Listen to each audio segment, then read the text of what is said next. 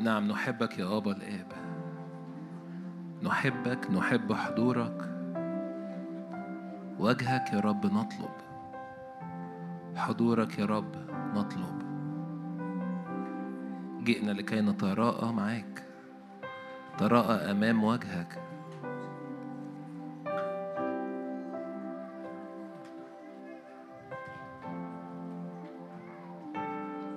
كم نحبك يا آبا الآب.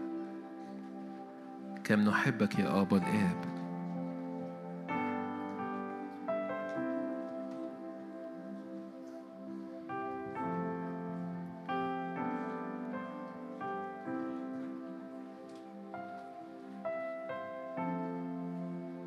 أشكرك يا رب لأنك تأتي علينا بنفخة من فمك. عايز أشجعك وخلونا نعلن كده سلام جوه أرواحنا جوه ذهننا. كل دوشة وكل لخبطة إبليس بيحاول يرميها. تهدأ في اسم يسوع. زي ما يسوع قام منتهر العاصفة وقال سلام وصار هدوء عظيم. أؤمن إن الروح يأتي. وكل لخبطة وكل نزاع حاصل على مستوى الذهن على المستوى الطبيعي حتى. نعلن سلام. نعلن سلام. كم أنت صالح أيها آبا الآب أنت صالح.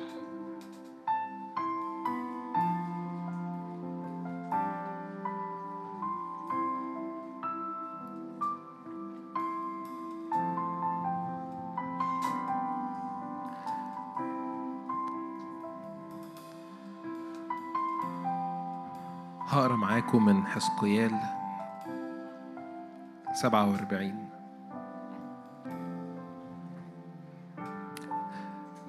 آيات مشهورة وأجزاء مشهورة. ف لو حابب تغمض عينك وأنت بتسمع الكلمات دي أشجعك تعمل كده. هقراها في روح الصلاة. مكتوب ثم أرجعني إلى مدخل البيت وإذ بمياه تخرج من تحت عتبة البيت نحو المشرق.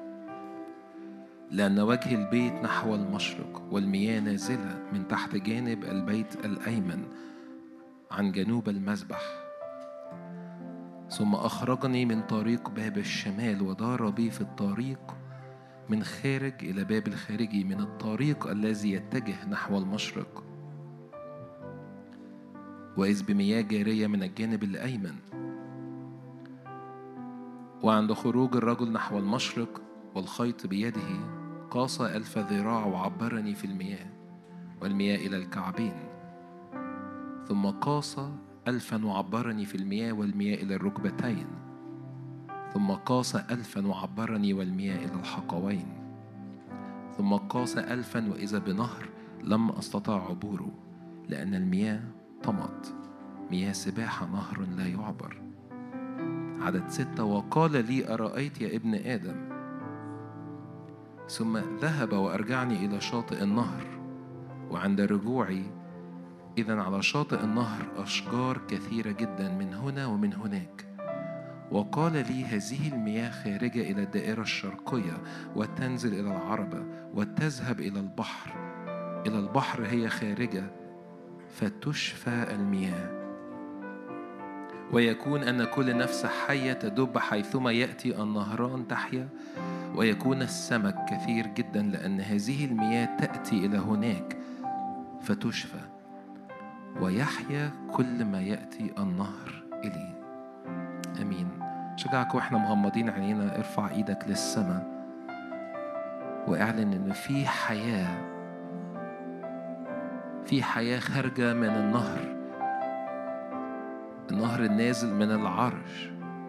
في أشجار بتنمو. من هذه المياه من هذه المياه. فشجعك وانت مغمض عينك ارفع إيدك للسماء واطلب مياه من الأعالي. قول له يا رب ارسل مياه. أوقات ما نبقاش متعودين نعمل ده بس والموسيقى شغالة وإحنا مغمضين عينينا. أشجعك عايزك تشوف المشهد إن في مية بتنسكب وكل مكان المية بتيجي عليه بتعمل حياة بتطلق حياة.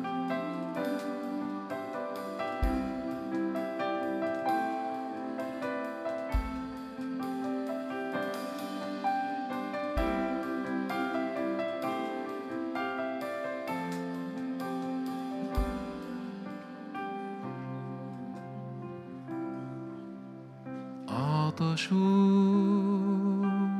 لروحك. خذ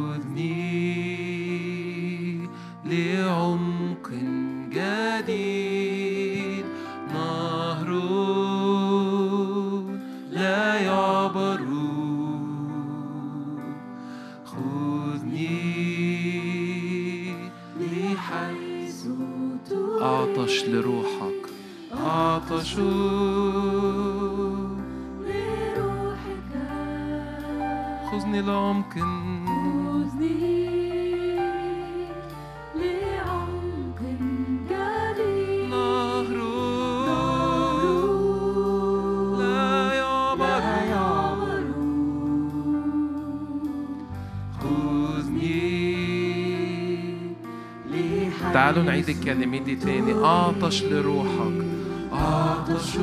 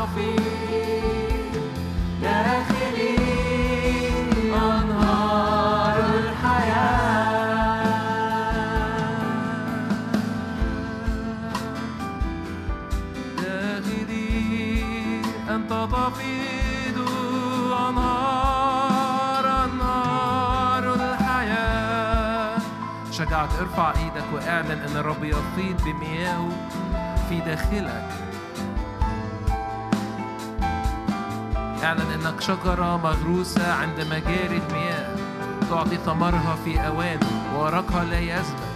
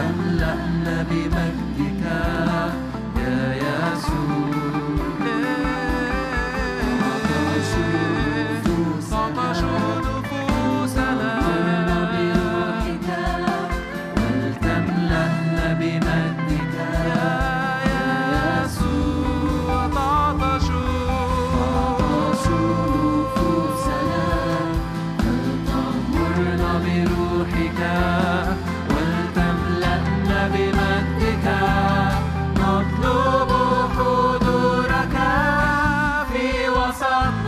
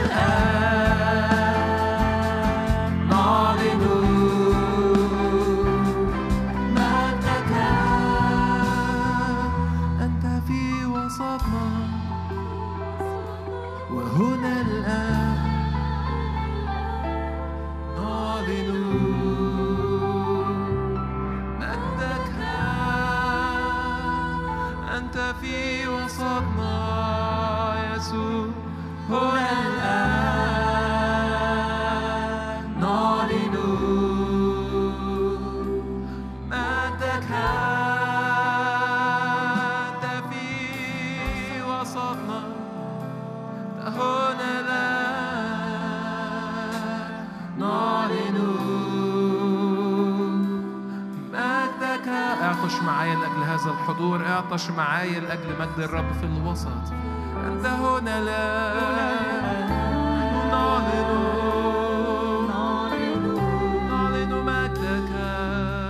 نعلن صلي معايا في الروح. طلع صوتك للرب. بديك صلاحية إنك تطلع دوشة للرب إنك تعبر عن أشواق قلبك. قول له تعالى يا رب أسكب مياه. أسكب مياه. إحنا بنعطش من كل حاجة جوانا. في وسطنا. لو مش عارف تقول إيه أشجعك. صلي بالروح صلي بالذهن.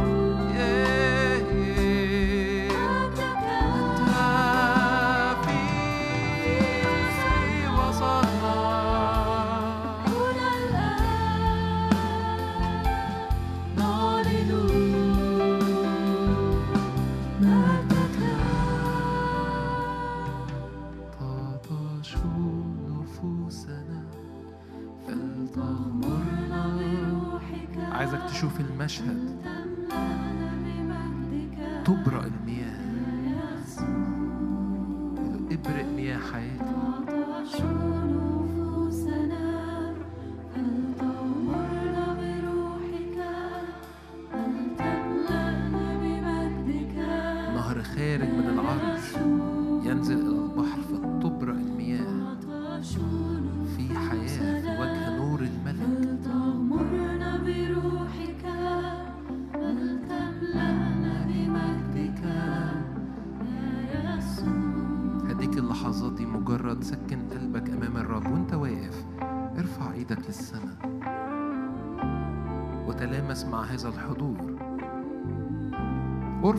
تعود ارفض كل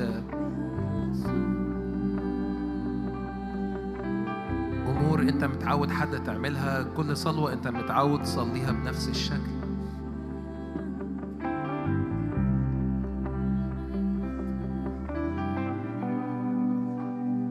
اطلب رؤية من الأعالي.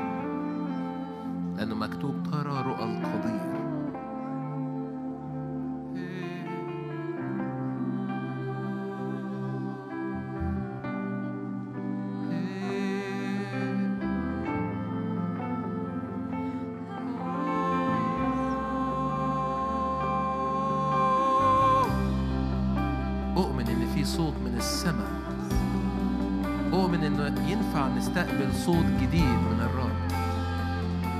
كلمة جديدة كلمة جديدة من الرب صوت جديد من الرب.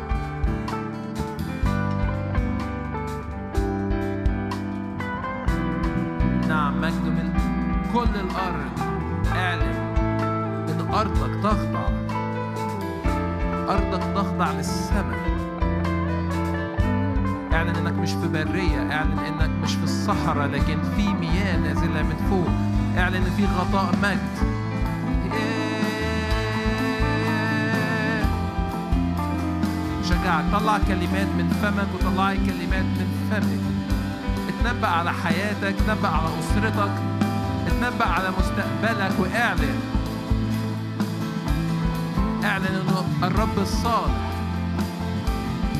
لولا أني آمنت أن أرى جود الرب في أرض الأحياء فأعلن جود الرب على حياتك.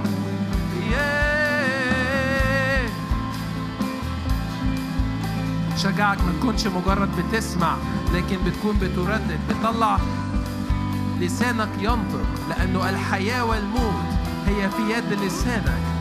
ياه yeah. اعلن أن الرب يملك yeah. حياتي ونفسيتي وبيتي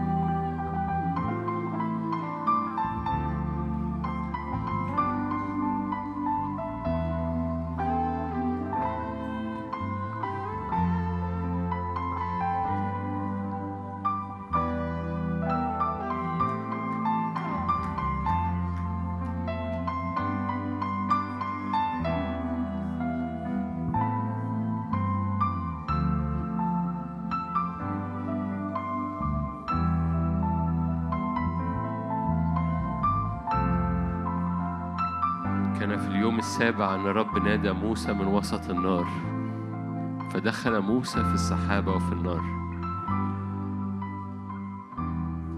أبويا السماوي دخلنا إلى هذا المكان اللي فيه بننسى نفسينا إلى التمام.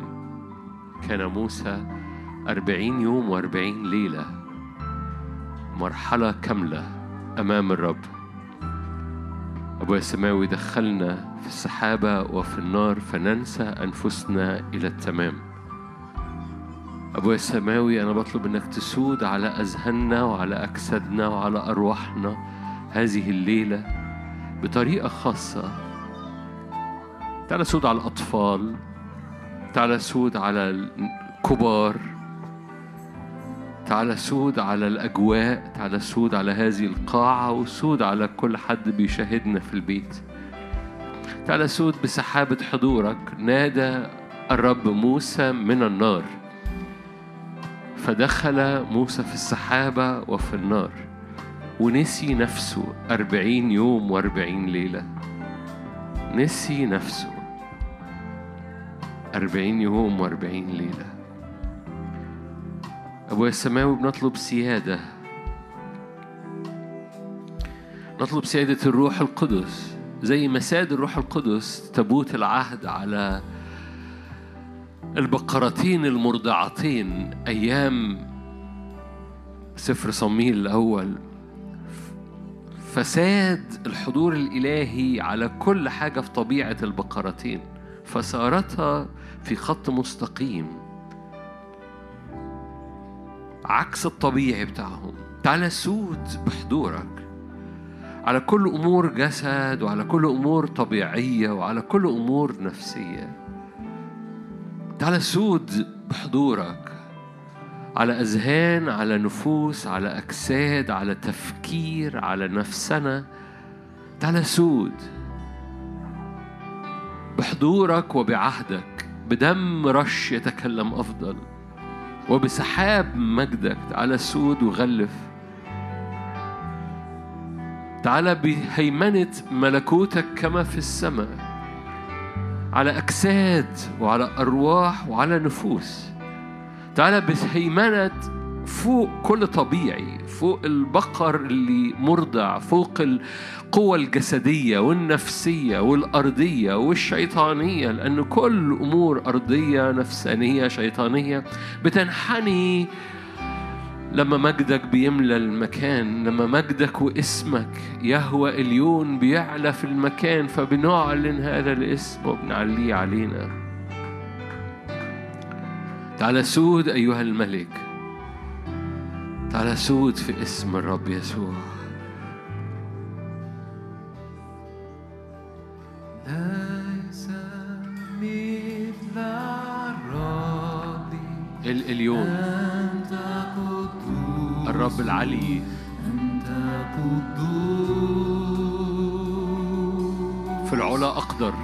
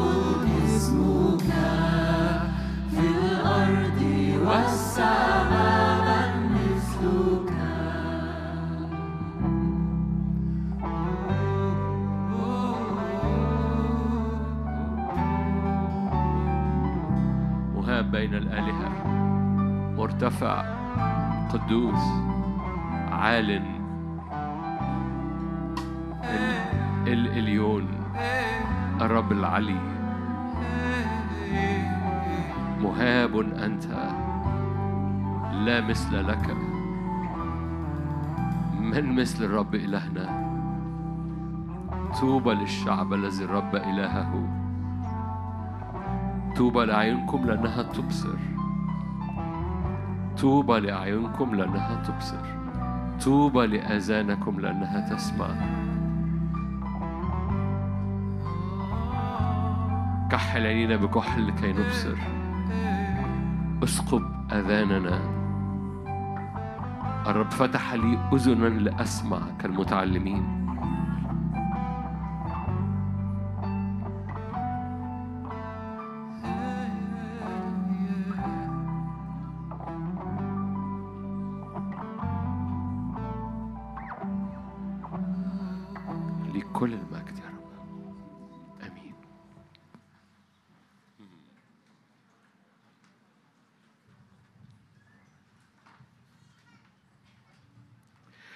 مرحب بكم جميعا. مرة كمان في ثيوفينس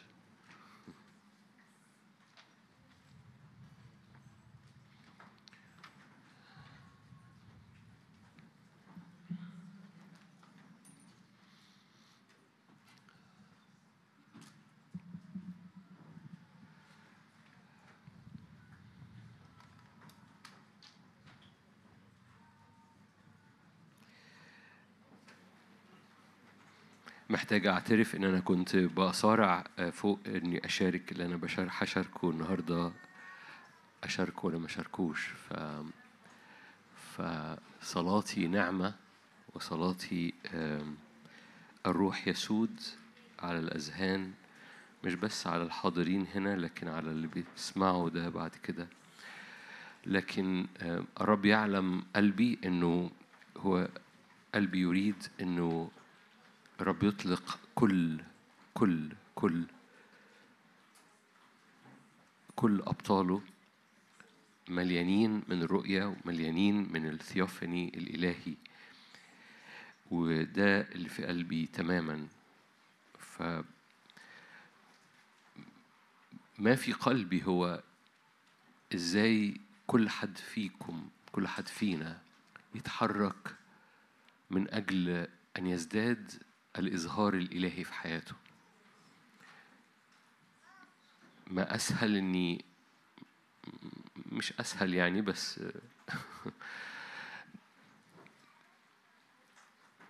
خليها ما أسهل.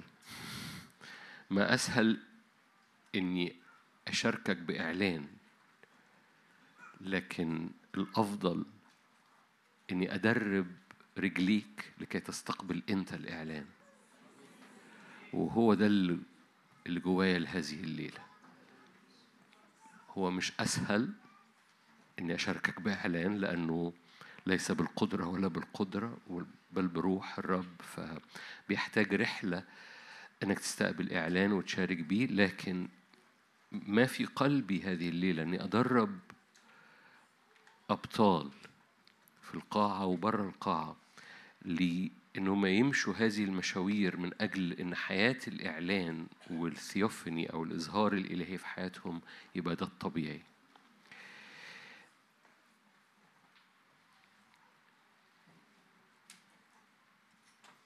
إيماني إن ده كان بيحصل في الكنيسة الأولى بس إيماني إنه الكنيسة اللي في الأزمنة الأخيرة احتياجها احتياجها يعني إحنا إحنا مش لأن إحنا أفضل بالعكس لأن إحنا محتاجين أكتر نكون في الروح. مش محتاج أقول لك أنا هبسط و... وربنا يديني نعمة إحنا عملنا التعليم يعني فلو أنت جاي الليلة دي محتاج إنك تسمع امبارح بالليل والنهارده الصبح عن الإظهار الإلهي وعن الثيوفني. وإن أولاد الرب كانوا بيسموا في الكنيسة الأولى ثيوفورس يعني الحاملين الرب وده مش تعبير غريب لأن في شكينة أو في سكنة ولأن في سكنة داخلية أنتم هيكل الله روح الله ساكن فيكم. هذه السكنة بتعلن شكينه الشكينة دي في تابوت العهد في الهيكل. وحضرتك بقيت هيكل الله فروح الله ساكن فيك. ففي سكنة شكينة في تابوت العهد الساكن فيك. فرب قال أنا أضع نواميسي في قلوبهم. ده تابوت العهد ده لو حي الشريعة. محتاج إنك وأنت بتسمعني تسمعني ترسم الصورة. كان ممكن يبقى في سلايدز في هذه المشاركة بس وبالتالي فالهيكل موجود وتابوت العهد موجود لأن تابوت العهد هو في لوحي الشريعة ورب في العهد الجديد وضع لوحي الشريعة في قلبك وخلى الروح القدس يسكن فيك. وبالتالي تابوت العهد وكرسي الرحمة لأنه جميعنا بننال رحمة نجد نعمة عونا في حينه قدام العرش. وبالتالي في كرسي للرحمة في كلمة الرب في لوحي الشريعة وفي سكنة في شكينة بتأتي على تابوت العهد.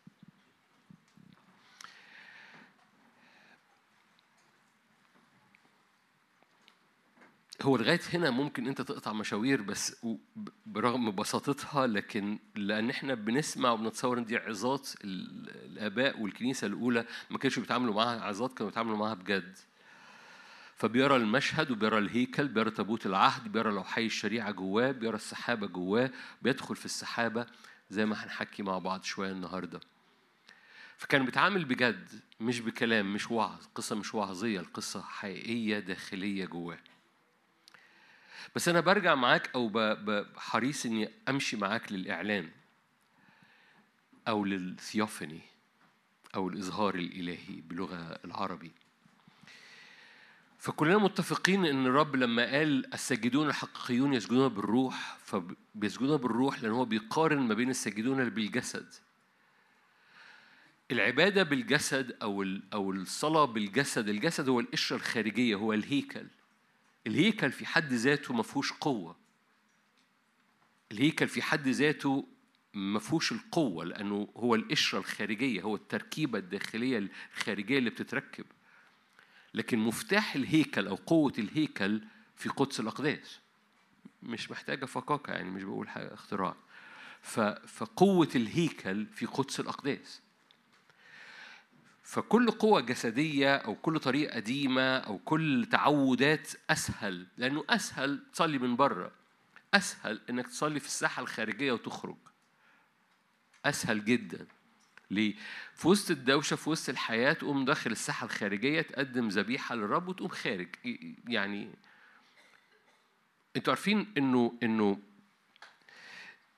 إنه في أوقات في كتاب مقدس بدون ما نرجع لها دلوقتي مش موضوعنا يعني الساحة الخارجية ما كانتش بتتحسب. وعارفين في سفر الرؤيا ما فيش ساحة خارجية؟ وعارفين إن في العروس النازلة من فوق ما فيش حتى قدس؟ هو قدس أقداس بس؟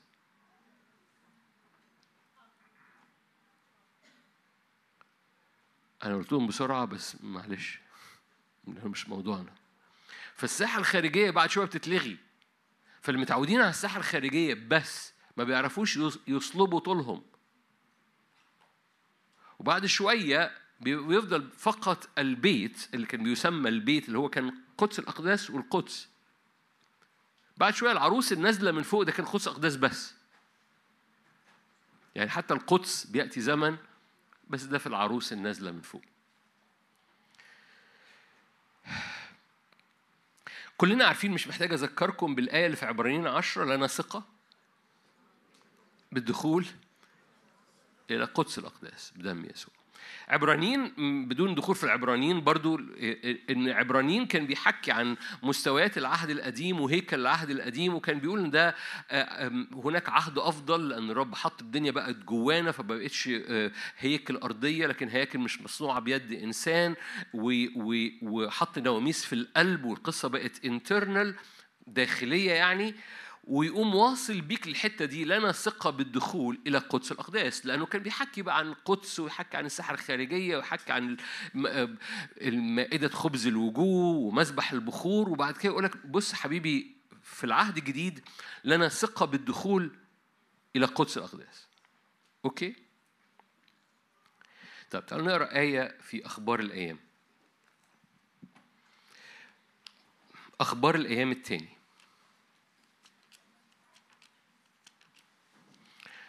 أو هقرا كذا آية. أخبار الأيام التاني إصحاح خمسة.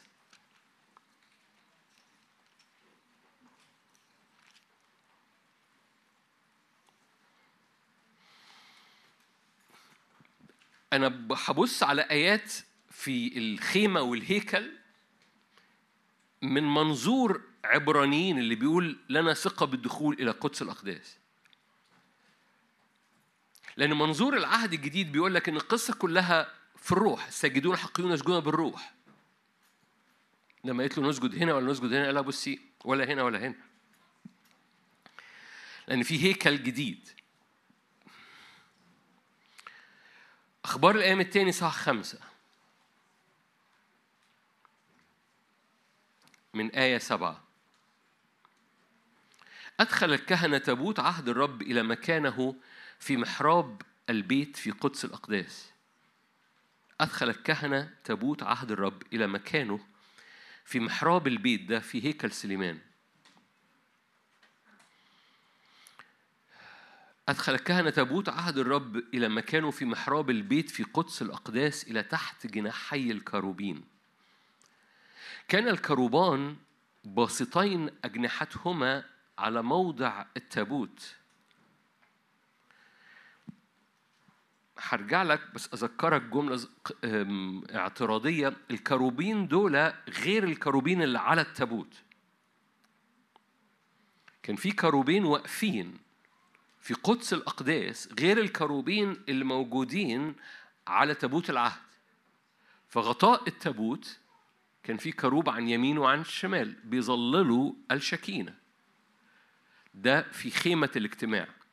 في هيكل سليمان دول موجودين على التابوت لكن في كروبين تانيين واقفين في قدس الأقداس. بجناح لليمين وجناح للشمال وده الجناح ده موصل للجناح التاني والتاني جناحه موصل للحيطة. فبعرض قدس الأقداس كان في كروبين جناحاتهم معدية العرض كله. ده غير الكروبين الموجودين على الغطاء. كان الكروبان باسطين أجنحتهما على موضع التابوت وظلل الكروبان التابوت وعصيه من فوق. جذبوا العصي فتراءت رؤوس العصي من التابوت أمام المحراب ولم ترى خارجا وهي هناك إلى هذا اليوم. لم يكن في التابوت إلا اللوحان اللذان وضعهما موسى في حريب. حين عاهد الرب بني إسرائيل عند خروجهم من مصر. هنرجع للنقطة دي بعد دقايق. كان لما خرج الكهنة من القدس لأن جميع الكهنة الموجودين تقدسوا لم تلاحظ الفرق. اللويين المغنون أجمعون أساف هيمان يدوثون وبنوهم وإخوتهم لابسين كتان بالصنوج والرباب والعيدان واقفين شرقي المذبح.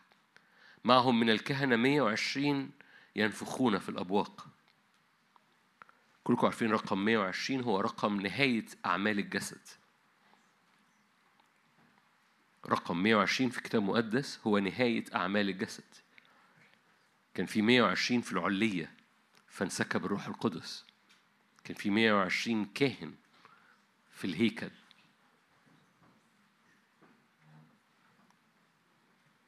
okay. كان لما صوت المبوقون والمغنون كواحد صوت واحد لتسبيح الرب وحمده ورفعوا صوت بالأبواق والصنوج وآلات الغناء والتسبيح للرب لأنه صالح لأن إلى الأبد رحمته. أن البيت البيت ده قدس الأقداس والقدس. أن البيت بيت الرب اتملى سحاب ولم يستطيع الكهنة أن يقفوا للخدمة بسبب السحاب لأن مجد الرب ملأ بيت الرب. آمين.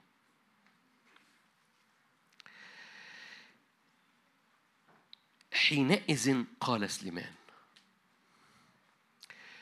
سليمان قعد يبني هذا البيت سبع سنين.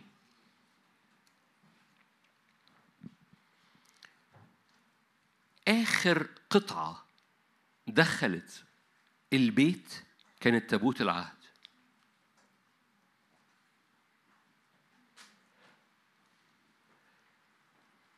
فالبيت بيتركب لمدة سبع سنين. فكل حاجة بتتحط من خارج هيكل سليمان ده مليان ذهب مليان إظهارات مليان حاجات مليان مائدة خبز الوجوه مليان مسبح بخور مليان قطع كتيرة ومليان غرف كتيرة. اقرأ هيكل سليمان هيكل سليمان مليان جوانب كتيرة جدا. لمدة سبع سنين بيتبني هذا البيت. لكن آخر قطعة بتخش اللي إحنا قريناها دي أدخل الكهنة آية سبعة. أدخل الكهنة تابوت عهد الرب إلى مكانه في محراب البيت في قدس الأقداس. ده آخر ح... آخر قطعة يعني كل قطعة دخلت. العمال شالوا اللاوي سوري العمال يعني اللويين شالوا مائدة خبز الوجوه دخلوها حطوها في القدس. شالوا مذبح البخور وحطوه في القدس. شالوا كل حاجة ودخلوا قطعة قطعة قطعة قطعة قطعة قطعة قطعة. بتتركب بتتركب بتتركب بتتركب بس آخر قطعة بتخش هو تابوت العهد. أول ما بيخش تابوت العهد في الهيكل الهيكل بيشتغل.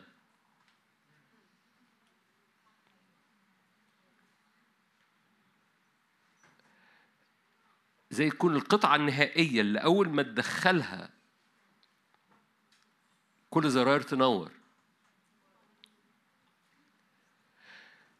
فالكهنة حاملين تابوت العهد أدخلوه إلى مكانه في محراب البيت في قدس الأقداس تحت جناحي الكروبين. وسحبوا العصي والكهنة اللي واقفين كانوا 120 ابتدوا يبوقوا. ليه؟ خلاص آخر قطعة دخلت. وأول ما ابتدوا يبوقوا ملأ السحاب. بيت الرب. أنتوا هنا؟ هذا المكان هو المكان اللي بيتكلم عليه كاتب العبرانيين. لنا ثقة بالدخول إلى المكان لأن هي دي القطعة اللي منها كل الهيكل بيشتغل. أنا بكرر الجملة وحريص أكررها. لأن أنت محتاج تدرك إنها مش وعظة مش اقتراح. تابوت العهد هو القطعة اللي بتشغل كل الهيكل.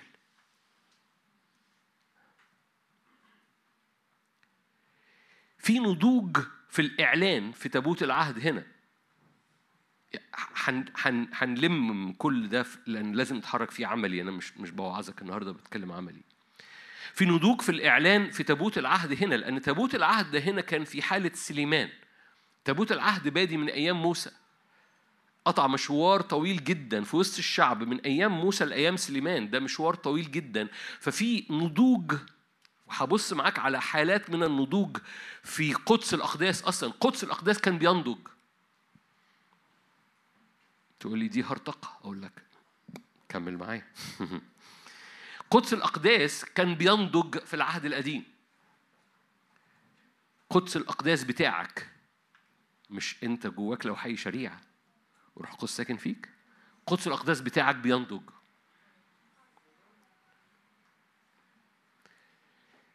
تابوت العهد الإعلان بتاعه كان بينضج على مدار السنين. فاكرين تابوت العهد أصلا كان فيه إيه؟ عبرانيين. عبرانيين قال تابوت العهد كان فيه إيه؟ بس أنتوا كلكم عارفين عب... كان جوه تابوت العهد إيه؟ كان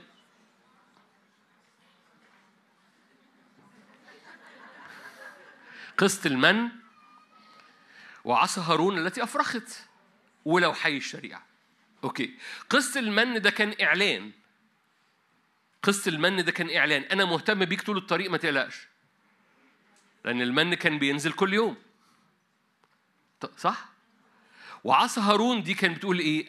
أنا أنا اللي أطلقت الدعوة في حياتك.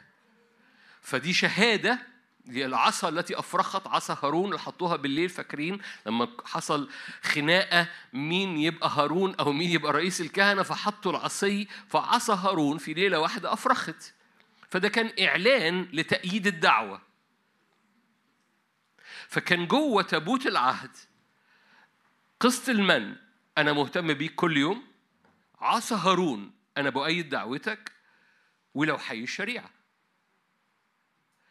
في هيكل سليمان لم يكن في التابوت آية عشر إلا اللوحان اللذان وضعهما موسى في حريب حين عاهد الرب بني إسرائيل عند خروجهم من مصر. يعني في نضوج الإعلان في قدس الأقداس في هيكل سليمان الحالة الناضجة لهذا الهيكل. هي مش أنضج حالة في حالة وراها بس خلينا في الحتة دي دلوقتي. في الحالة الناضجة ما كانش فيه في تابوت العهد إلا لو حي الشريعة. ليه؟ لأنه الحاجتين التانيين دول جايين من كونتنشن جايين من صراع جايين من احتياج فأنا بطمنك ما تقلقش حبيبي أنا هديك من كل يوم. جايين من صراع هو أنا مدعو ولا مش مدعو؟ أنا محتاج أحقق دعوتي أنا محتاج دعوتي محتاج تقول لي دعوتي يا رب أيد دعوتي. فعصا هارون. في قدس الأقداس بيحصل نضوج أو في في في في سوري في تابوت العهد بيحصل نضوج في الحالة.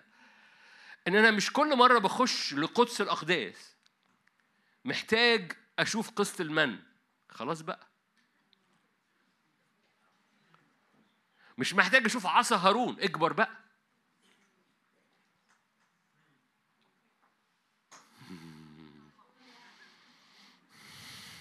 وشوش البعض بتقول يا ريتني ما جيت النهارده.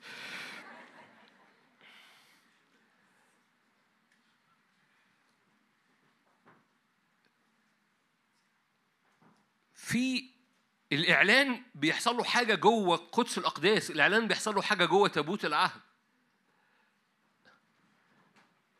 فاحتياجي لقسط المن في قدس الأقداس مش موجود. احتياجي لعصا هارون في قدس الأقداس مش موجود. احتياجي لكلمة الرب المرصوصة جوايا أضع نواميسي في قلوبهم هو ده اللي بيستمر موجود.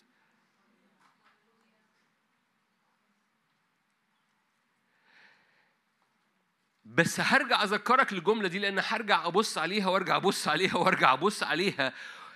اللي بيشغل الهيكل كله هو القطعة اللي لما بتخش كل الهيكل بيشتغل هو تابوت العهد. تابوت العهد في نضوجه هو تابوت العهد اللي مش محصور في الاحتياجات اليومية أو في التأييدات الشخصية أو في الدعوة الشخصية هو محصور فقط في لوحي الشريعة أو في كلمة الرب أو في الإعلان الإلهي جوه قلوبنا. هرجع مرة تاني للشاهد. آية سبعة أدخل الكهنة تابوت عهد الرب إلى مكانه في محراب البيت في قدس الأقداس إلى تحت جناحي الكروبين. وكان الكروبان باسطين أجنحتهم على موضع التابوت. وظلل الكروبان التابوت وعصيه من فوق. ذكرك ملحوظة مربوطة باجتماع الصبحية إنه من بين الكروبيم كان الرب يبقى جالس. أنا ما حبيتش أفتح آيات تانية علشان نبقى أو أنا أكون مفوكس. مفوكس دي كلمة جديدة. جنب مطوبس طوالي في مفوكس.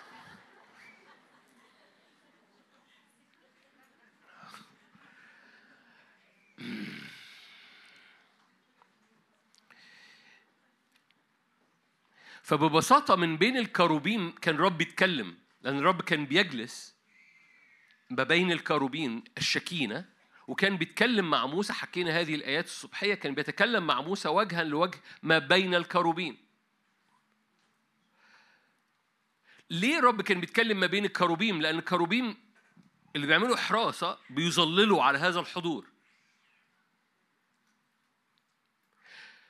بدون كروبيم مفيش شكينة.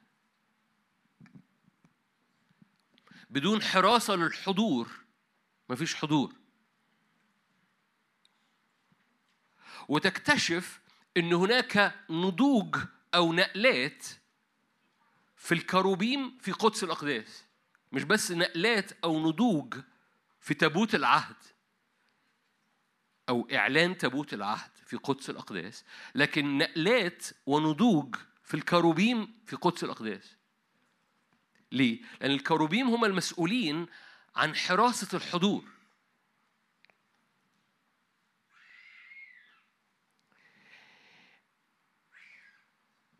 هعدي حتة كده مش هعدي حتة هدوس في حتة أقصد. هعدي فيه حتة. مربوطة بالكنيسة الأولى. علشان هستخبى في الكنيسة الأولى علشان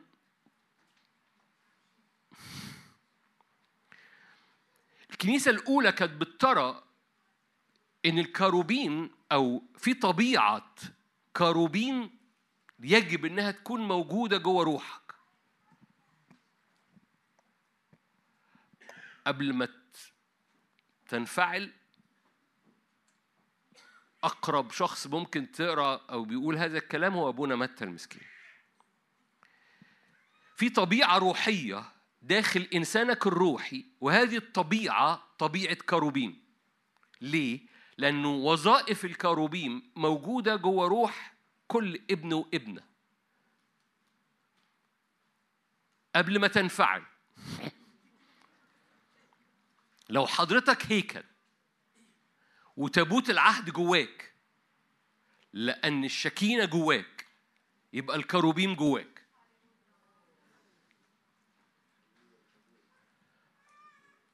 أنا استخبيت ورا الكنيسة الأولى بس أنا برجع وأ- و- و- وأتكلم كتاب مقدس. لو رب مش بيقول كلام ملوش معنى أنتم هيكل الله. وضعت نواميسي في قلوبهم. ده تابوت العهد. لو حي الشريعة أنتوا هنا؟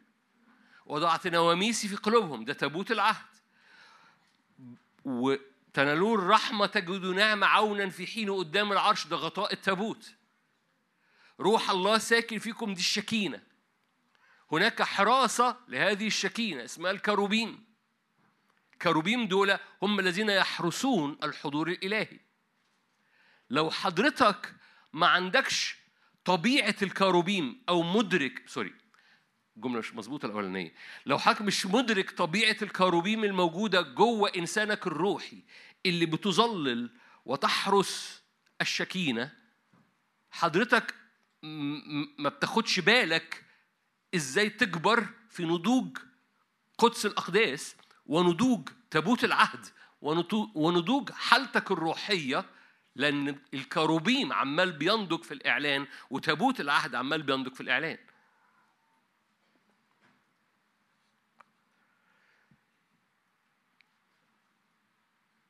الطبيعة الروحية بتاعتك يجب إنها تكون شغالة في وظيفة حراسة الشكينة. الشكينة يعني السكنة. مش روح الله ساكن مش المسيح ساكن. كل سكنة شكينة لها مظلل. المظلل دول بيحرسوا لحراسة الحضور الإلهي. ده موجود فين؟ في قدس الأقداس قدس الأقداس بيشتغل إمتى؟ لما تابوت العهد يخش جواه أول ما تابوت العهد بيخش كل حاجة في الهيكل بتشتغل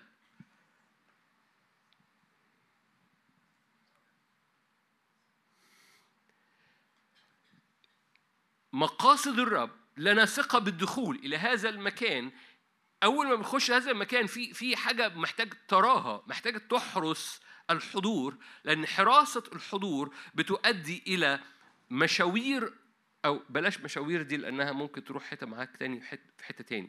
حراسة الحضور خلي بالك أوكي لو بصينا في في خيمة الاجتماع طيب. تعال نروح لسفر الخروج. الملكين أو الكروبين من الأولانيين الاثنين الأولانيين كانوا باصين لجوه. صح؟ كان في كروب عن يمين وكروب عن شمال كأنهم باصين لبعض. هم مش باصين لبعض هم باصين للشكينة الموجودة ما بينهم. ليه بيحرسوا هذا الحضور.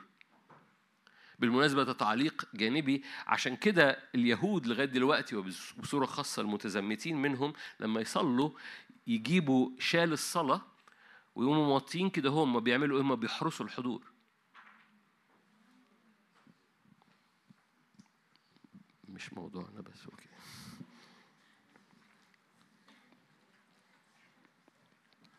خروج 25 لأنه هو كمان هو بيصلي لازم يقوم رافع الشال كده هو يبقى عامله كده ليه هو بي... لأن هي دي الصورة اللي جواه هو هو بيتواجد في المكان ده. خروج 25 من آية 20 هبص معاك على على نمو الإعلان في قدس الأقداس أو نمو النضوج اللي حصل من أول موسى لغاية آخر هيكل في العهد القديم قبل الهيكل اللي هو حضرتك. يعني لأن في خيمة اجتماع طبعا خيمة موسى دي أو سوري خيمة داوود دي تكنولوجيا من العهد الجديد. تكنولوجيا لوحدها خالص. فعندك خيمة موسى عندك هيكل سليمان وعندك هيكل حسقيال. وده أنضج صورة نبوية عن خيمة عن أنضج حضور إلهي في وسط الشعب. فأول صورة في خروج 25 آية 20 يكون الكروبان باسطين أجنحتهم. okay sorry نقرأ من قبل ده من من 17 تصنع غطاء من ذهب نقي طوله ذراعان ونصف وعرضه ذراع ونصف وتصنع كروبين من ذهب. صنعة خراطة تصنعهما على طرفي الغطاء. مرة تاني الكروبين هو صورة للطبيعة الروحية التي تتواجد في قدس الأقداس.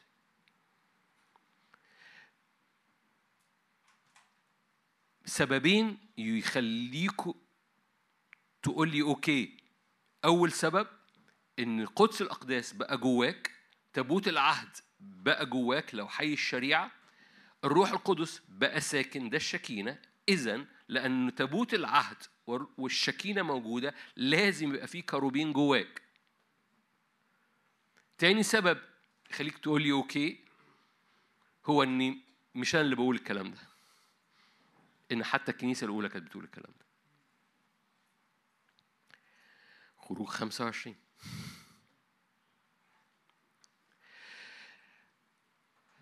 أنا ليه وقفت هنا؟ إيه اللي خلاني اكرر ده؟ لأنه الكروبين من ذهب لأنه ال ال ال ما فيهوش ده مش خلط ما فيهوش جسد ما فيهوش خشب مطلي ذهب. دي طبيعة روحية ده ده طبيعة روحية جوا ده إنسان الروح بتاعك.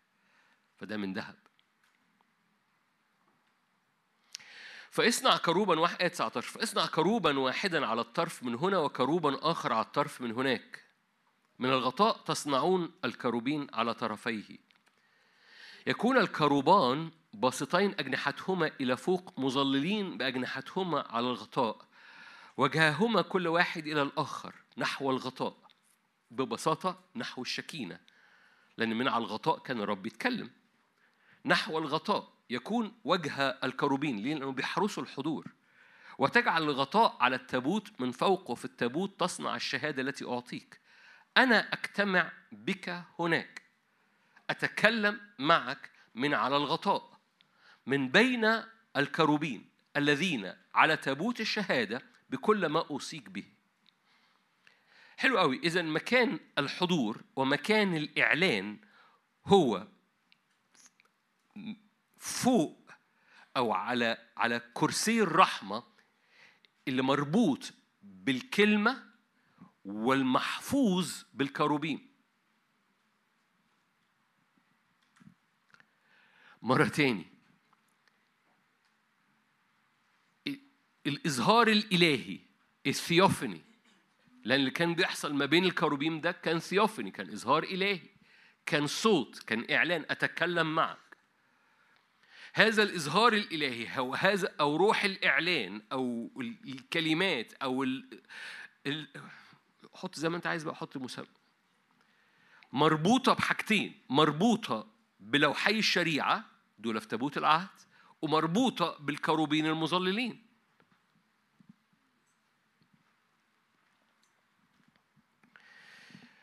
أنا أجتمع بك هناك وأتكلم معك فكل إعلان هو جالس هو جاي من حضور جالس على الشريعة اللي في قلبك ويحاط بحراسة. طبيعتك الروحية الكروبين بتاعك اللي بيحرس الشكينة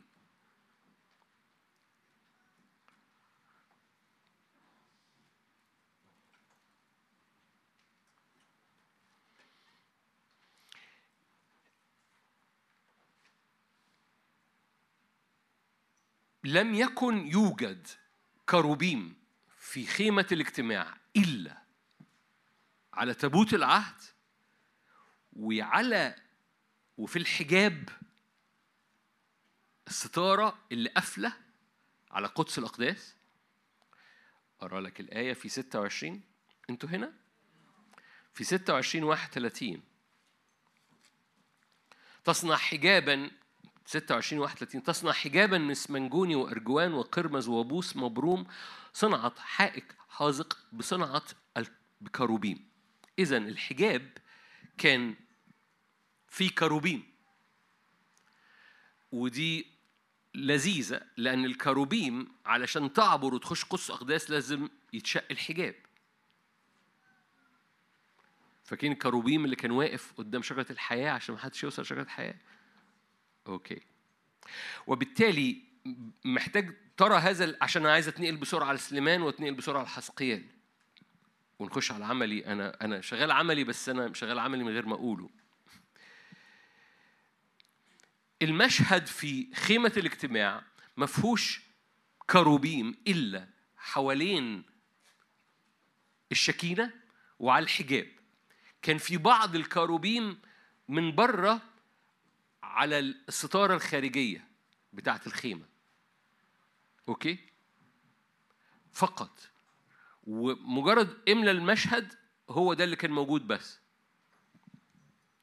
روح معايا لملوك الأول ست. إحنا بنحكي عن نمو أو نضوج الإعلان في قدس الأقداس. زي ما نضوج تابوت العهد إزاي كان جواه حاجات ما بقاش ليها لازمة دلوقتي لأن الحالة نضجت فمش محتاج قسط من ولا محتاج عصا هارون. الحالة نضجت في هيكل سليمان في ملوك الأول ستة. المشهد اتغير شوية. في ملوك الأول ستة.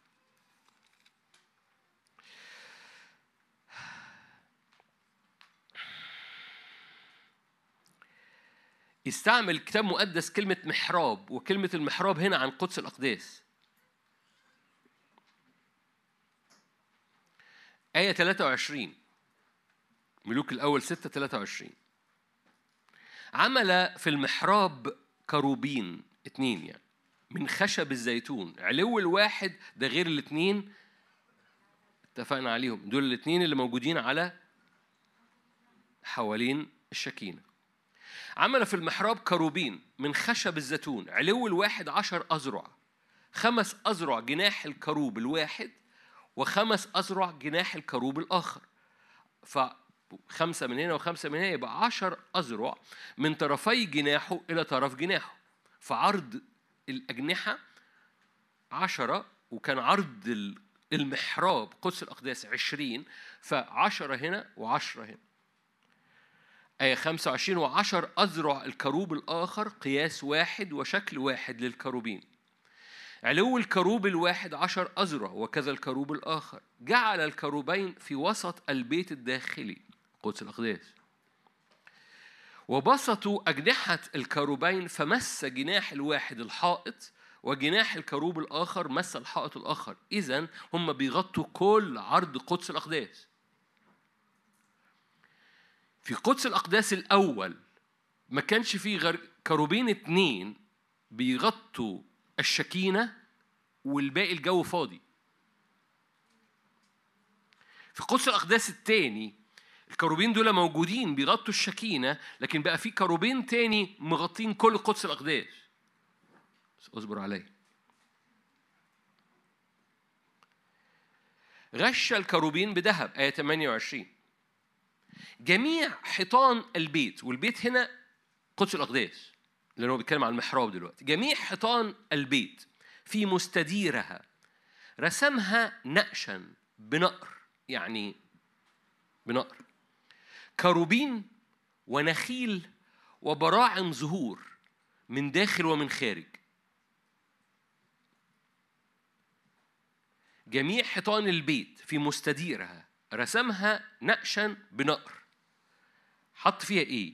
كروبين نخيل وبراعم ظهور من داخل ومن خارج.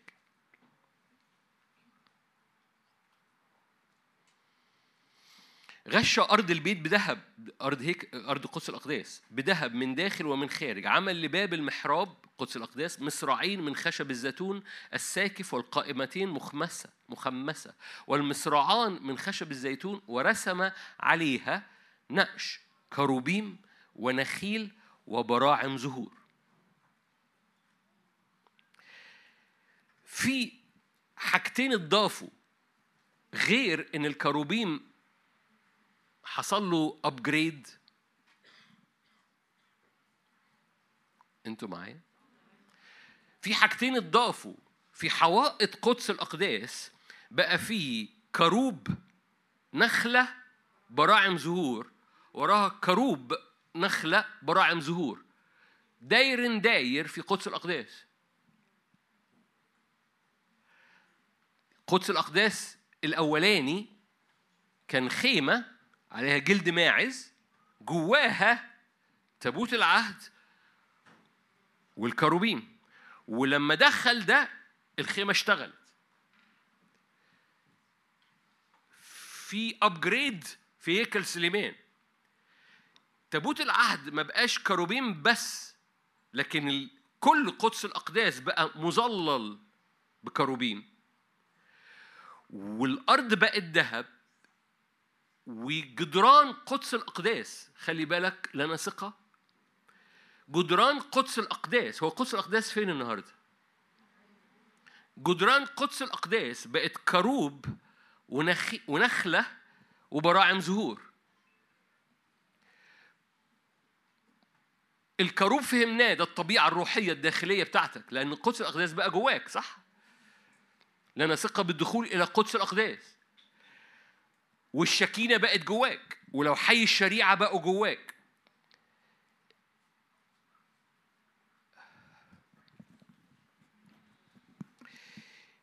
الكروب هو الطبيعة الروحية بتاعتك. اللي مفروض إنك تشتغل فيها من أجل حراسة تابوت العهد وهنخش حراسة الحضور الإلهي. الابجريد اللي بيحصل في في قدس الأقداس إن بيطلع حاجة ما كانتش موجودة في قدس الأقداس الأولاني اسمها نخيل.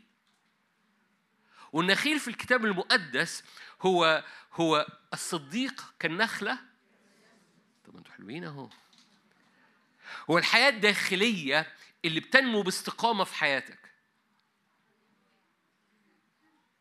هو هو نمو الصديق فيك.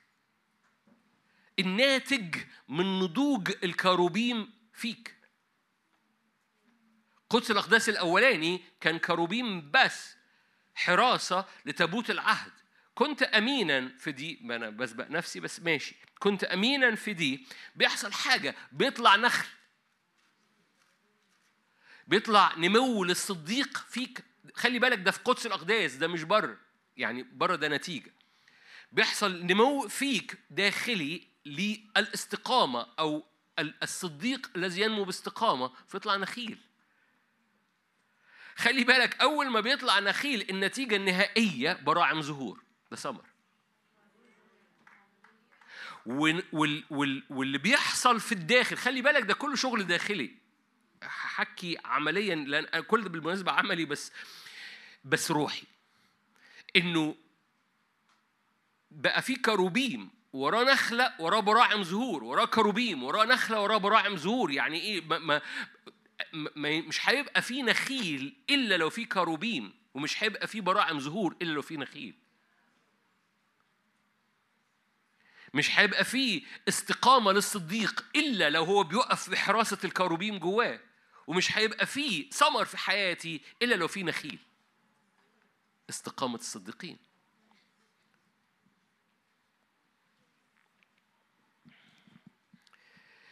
تعال نروح لل... لصورة أنضج. تقول لي في أنضج؟ أقول لك أه. حسقيال. حسقيال 41 ده ده الهيكل النبوي وقدس الأقداس النبوي اللي موجود في سفر حسقيال. حسقيال 41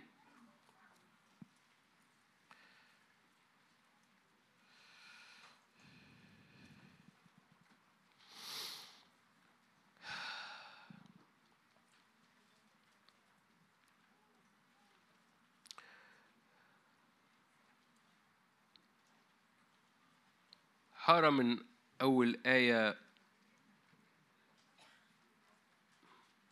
18 حسقيال 41 عمل فيه كروبيم ونخيل. okay. نخلة بين كروب وكروب. ولكل كروب وجهان. وجه الإنسان نحو نخلة من هنا وجه الشبل أو الأسد نحو نخلة من هناك عمل في كل البيت حواليه. من الأرض إلى ما فوق المدخل عمل كروبيم ونخيل وعلى حائط الهيكل وقوائم الهيكل مربعة ووجه القدس منظره كمنظر وجه الهيكل. المذبح من من خشب ثلاث أرباع نقف عند 21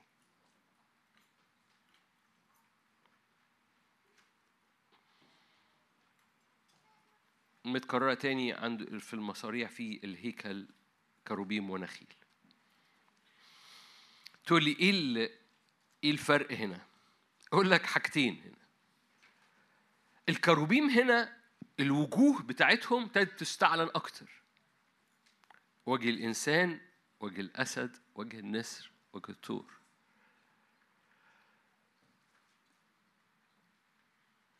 فالطبيعة الروحية في الصورة الناضجة بتبتدي تاخد مساحات العرش لو أنت فاكر هذه المشاركات عن مساحات العرش أو بتاخد الطبيعة الإلهية بحسب الموسم اللي بتمر بيه أنت محتاج وجه الأسد أم وجه النسر. وجه الطور أم وجه الإنسان. مش بس كده أو مش دي اللي أنا عايز أركز عليها دي نتيجة هنبص عليها في الآخر. في الهيكل ده الكروب والنخيل والبراعم والترتيب بتاعهم مش في قدس الأقداس بس ده في المبنى كله.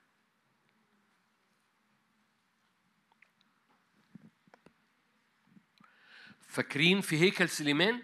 ده كان في جدران قدس الأقداس. كروب نخيل برعم. في هيكل حسقيال الكروب والنخيل والبراعم في كل البيت.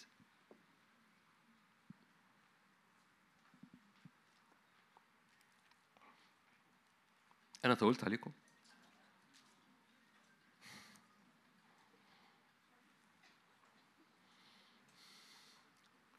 أوكي هخش عملي عشان طولت عليكم.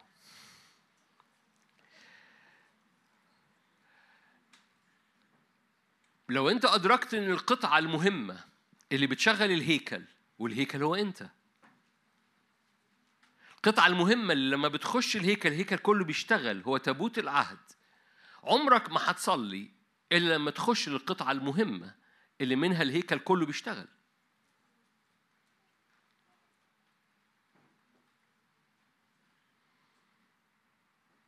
دي أول نقطة عملي. ما ينفعش تخش وأي حاجة في الهيكل بتاعك تشتغل إلا لما القطعة الأساسية اللي بتشغل الهيكل كله تبقى أنت عندها. عشان كده عبرانيين عشرة لنا ثقة مش بالدخول من الباب وإن شاء الله ونتمشى وبعد كده نقابل جون إزيك يا جون؟ عامل إيه؟ وأخبار الدنيا إيه؟ وبعد ف- أنا بقى داخل. نو no, هو الهيكل ما بيشتغلش. الهيكل ما بيشتغلش. الهيكل هو حضرتك. الهيكل أنتم هيكل. الهيكل ما بيشتغلش إلا في الحتة دي عن تابوت العهد. تابوت العهد دي القطعة اللي بتشغل الهيكل اللي لازم عندها حضرتك تبقى موجود. وجود حضرتك عندها هو طبيعة الكاروبين فيك هو الطبيعة الروحية جواك. وبالتالي حضرتك قبل ما بتصلي قبل ما بتعمل أي حاجة وأنا بتكلم برجع تاني كأني في في خيمة موسى. حضرتك قبل ما بتعمل أي حاجة اللي هو الساجدون حقيون يسجدون إيه؟ بالروح. ليه؟ لأن القصة مش هصلي بقى من الساحة الخارجية مش ب... م... م... القصة مش الساحة الخارجية خلاص هو لنا ثقة بالدخول لقدس الأقداس فأنا رجلي بتدب أول دبة المفروض ليا مش في الساحة الخارجية أول دبة في قدس الأقداس لأن دي الحتة اللي بتشغل الهيكل كله. أوكي. أنا بكرر نفسي بس أنا حريص. اللي بيخلي بيخليني موجود عند تابوت العهد دي القطعة اللي بتشغل الهيكل هو طبيعة الكروبين وبالتالي أنا محتاج أدرك طبيعة الكروبين فيا قبل ما ابتدي أخش.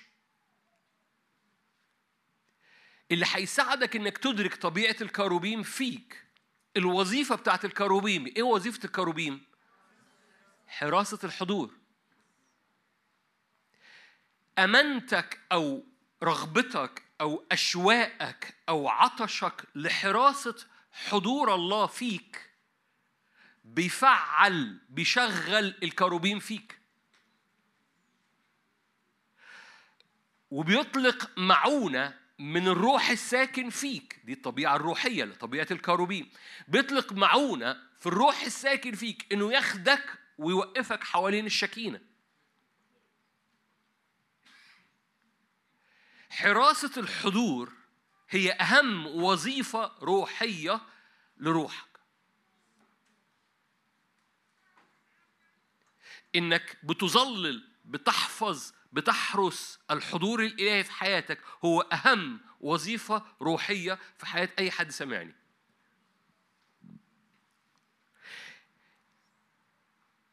كل ما هذه الوظيفة بتبقى غالية بالنسبة لك ومش غالية عشان وراك حاجة مش غالية عشان مزنوق في موضوع. غالية انت انت تريد أن تحرس الحضور طول الوقت. هي دي النار التي لا تنطفئ. لأن دي الشكينة اللي عمالة بتومض ما بين الكروبيم ده اللي بيشغل الهيكل. الهيكل ما بيشتغلش. إلا لما الشكينة تومض. اللي بيخلي الشكينة تومض إن الكروبين بيظللوها. الهيكل مش بيشتغل عشان يخدم الهيكل بيشتغل عشان يعيش. الهيكل بيشتغل عشان يشتغل يروح الشغل الصبحية. الهيكل بيشتغل عشان يربي ولاده. الهيكل بيشتغل عشان عشان يعيش. اللي بيشغل الهيكل هو تابوت العهد. فالقصة دي مش مربوطة إن عندك خدمة أو ما عندكش خدمة أو عندك تحدي أو عندك مواجهة أو عن... نو نو ده, ده عشان تعيش. عشان تعيش أنت محتاج القطعة اللي بتشغل الهيكل تبقى في مكانها واللي بيخلي قطعة شغالة في هيكل في مكانها في حد بيحرسها والحراسة دي هي الطبيعة الروحية بتاعتك. إنك بت- بتذكر نفسك بتنهض بالتذكرة ذهنك إن دي وظيفتك دي وظيفة الروح الساكن فيك دي وظيفة طبيعتك الروحية. وظيفة طبيعتك الروحية وبتقف فيها في هذا المكان لأن هذه الحراسة هي اللي بتحفظ الوميض ال ال الشكينة اللي بتومض في القدس الأقداس بتاعك عشان كل الهيكل يشتغل.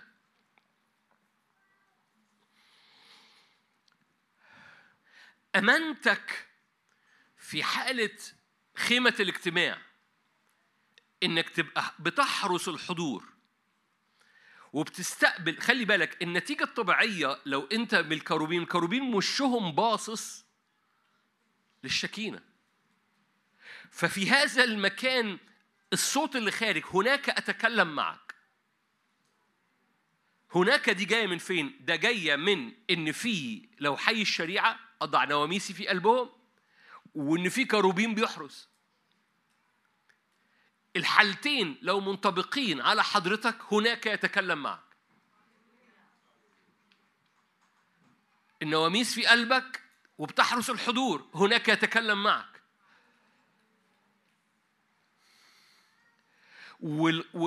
وكل ما تكون أمين في المشهد كل ما تكون مدرك المشهد إنه إنه إنه ان إن حضرتك الهيكل وإن نواميس في قلبك وإن لك ثقة بالدخول إلى هذا المكان اللي اللي اسمه قدس أقداس. بس هذا المكان مليان من كلمة الرب وأنت بتحرس في طبيعة روحية موجودة جواك طبيعة كروبين تكون أمين في ده تحصل نقلة. إيه النقلة اللي وراها؟ النقلة اللي وراها إنه مش بس في حراسة لا الحراسة بتز... الكروبين بتاعك الطبيعة الروحية بتاعتك بتتضاعف قوتها.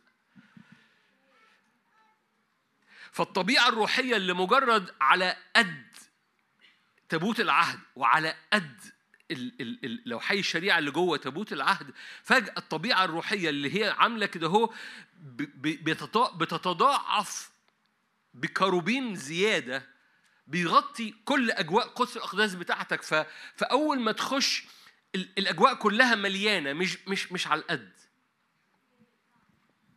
ليه؟ لأن حصل نضوج أو حصل نمو في الطبيعة الروحية بتاعتك. لأنك استثمرت كنت أمين في القدس الأقداس الأول، فالقدس الأقداس الثاني حصل مش بس نضوج في في تابوت العهد ومبقتش محتاج بقى من ومحتاج عصا هارون، لا ده حصل كمان نضوج في الكروبين بتاعك. فيحصل إيه؟ الكروبين بتاعك بالطبيعة الروحية بتاعتك الطبيعة الروحية اللي عمالة بتعبد عمالة بتحرس الحضور حراسة الحضور ده ده ده ده ده مليان سجود مليان تواضع مليان إعلان مليان استقبال مليان فالقصة بقى ما فيهاش بقى من وعصا هارون القصة بقت كلها الكلمة والشريعة والنبوة والإعلان والسجود والقدوس كل ده ده بيعمل نضوج في حالة الكروبين فبيعمل إيه؟ قدس الأقداس بتاعك كله يبتدي يحصل فيه الكروبيم يبقى ظاهر فيه ويطلع نخيل ويطلع براعم. خلي بالك ده كله جواك. فتبتدي أمور تستقيم جواك ده النخيل وتبتدي ثمر يطلع ما كانش بيطلع قبل كده. ليه؟ لأنك أنت بتستثمر في الكروب الساكن داخلك. أنتوا هنا؟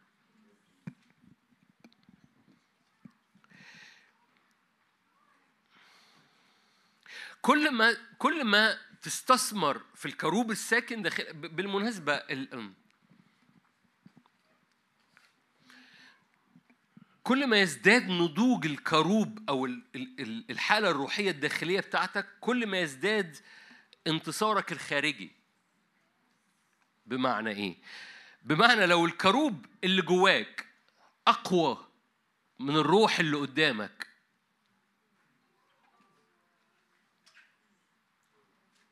أكمل أنت الجملة. لو الكروب اللي جواك الحالة الروحية أضعف من الروح اللي قدامك كمل أنت الجملة.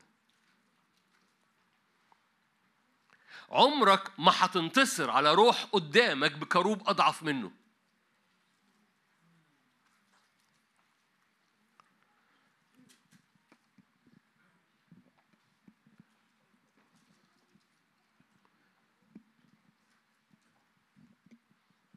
أقول الجملة دي مرة تاني؟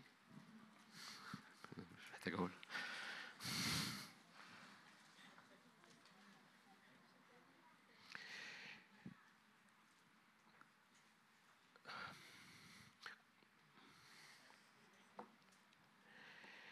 طبيعتك الروحية بتنمو لأنك بتستثمر في حراسة الحضور.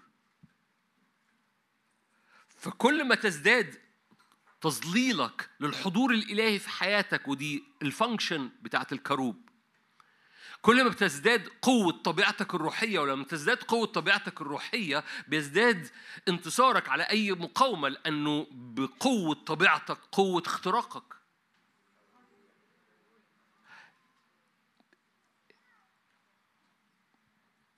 لو المواجهة أقوى من كروبك وأنا حريص أقول كلمة كروبك. لو المواجهة أقوى من كروبك مفيش اختراق لكن لو كروبك أقوى مش محتاج تصارع عشان تخترق. فالكروبين التانيين كانوا مظللين كل قدس الأقداس من الحيطة دي للحيطة دي واقفين. المشهد عجيب جدا لما ترى بعض الناس اللي بترسم رسومات على هذا المشهد تتلوح.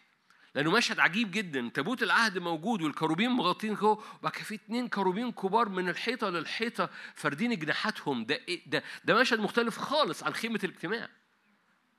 خيمة الاجتماع هو يعني هو تابوت العهد وكروبين كده هو خلاص في هيكل سليمان نو هم آه ده المشهد ده موجود ده الكور ده ده, ده دي القطعة اللي بتشغل الهيكل. بس قدس الأقداس كله بقى وده قام مطلع كروب نخيل زهور. كروب نخيل زهور. كروب نخيل زهور. أمانتك في ده.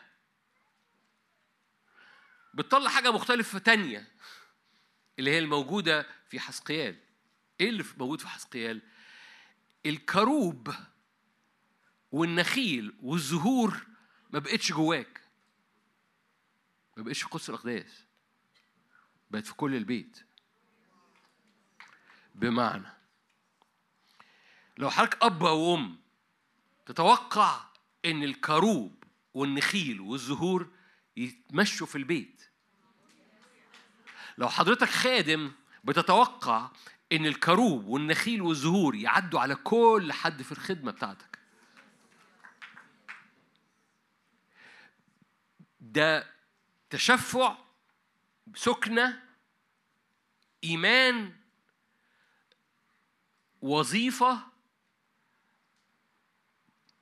خلي بالك إنه يعني يعني مش عايز مش عايز أقولها كده هو بس يعني دي ده من من من موسى لحسقيال ده سنين. ده مش معنى كده إنك هتعدي بالسنين دي كلها.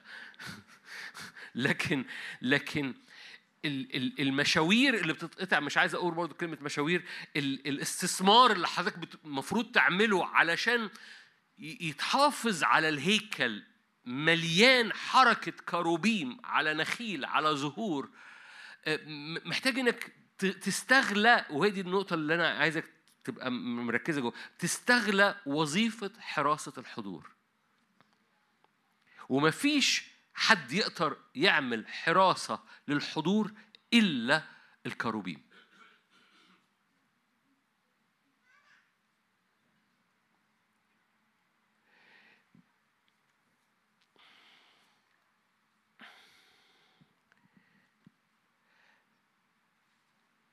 ما تستغربش من الطبيعة الروحية جواك لأن الطبيعة الروحية اللي جواك عشان كده في أندك صورها ابتدى يظهر الوجوه اللي كانت في حسقيال هو الأسد والنسر ليه؟ لأنه الطبيعة الروحية أو طبيعة الكروبيم جواك اللي ما كانش ليها غير وجه واحد في خيمة الاجتماع بتاعت موسى وما كانش ليها غير وجه واحد في هيكل سليمان بقى أصبح ليها أربع أوجه بقت ناضجة بتنوع في حسقيال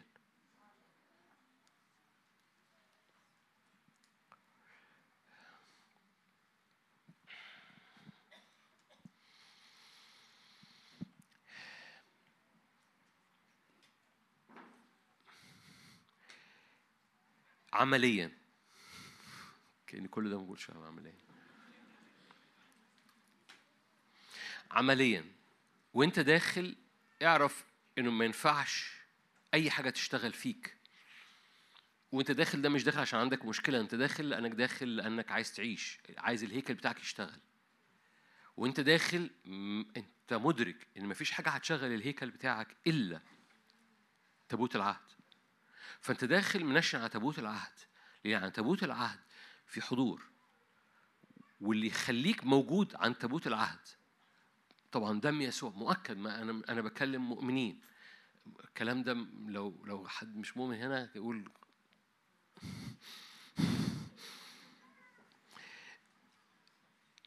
لو أنت مش مؤمن هنا سلم حياتك للرب مفيش رب يحبك جدا.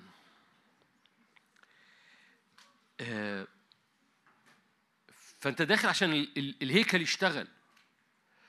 فانت مدرك إن القصة مربوطة بتابوت العهد.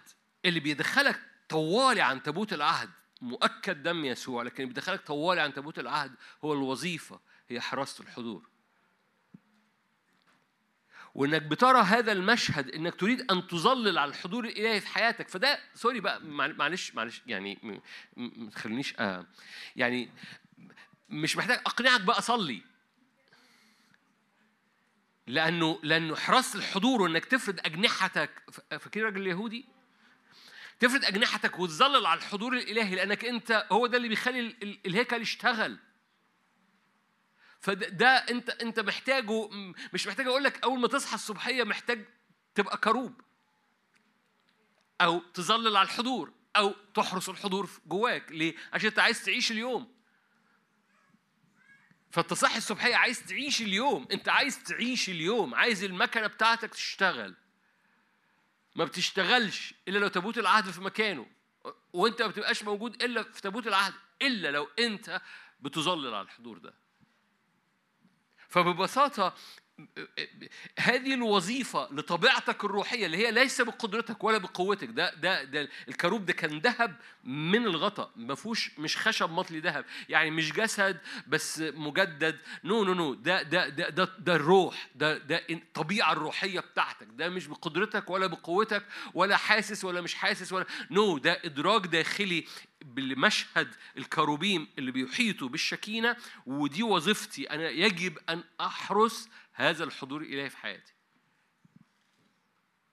فبتخش لهذا المكان وتبتدي تحرس الحضور تحرس الحضور إزاي؟ بالعبادة. تحرس الحضور إزاي؟ بإدراكك ب- بعبادة واستقبال. خلي بالك ده في وهج من الحضور بي بيملأ ال ال ال ال ال الشكينة دي كانت تتوهج. لما تقرا في التقليد اليهودي تنبسط جدا لانها بتحمل ابعاد في بعض الأحيان زياده شوية يعني مش كتابيه فما ما بقولهاش. ف ف ف حاجة بتتوهج الشكينه يعني أوكي مش هقول. ف لأن ده قل- تقليد يهودي ممكن يبقى صح وممكن يبقى غلط. ف فأقصد إنك أنت أنت أنت بتعبد وبتستقبل انت بتسجد بتتواضع وفي حاجة بت... بت... أنتوا عارفين إن موسى نسي نفسه 40 يوم 40 ليلة. يعني نسي نفسه هو نسي نفسه. هو نسي نفسه لدرجة اللي هو لما نزل ما كانش مدرك إنه ابتدى يتوهج هو. فهو ما كانش واخد ما هو مش لم يكن يعلم أن جلد وجهه صار يلمع. هو كان ناسي نفسه لهذه الدرجة.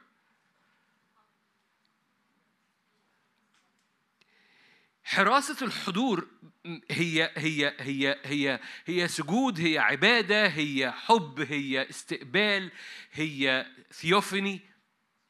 لأنه من هذا المكان قال له أتكلم معك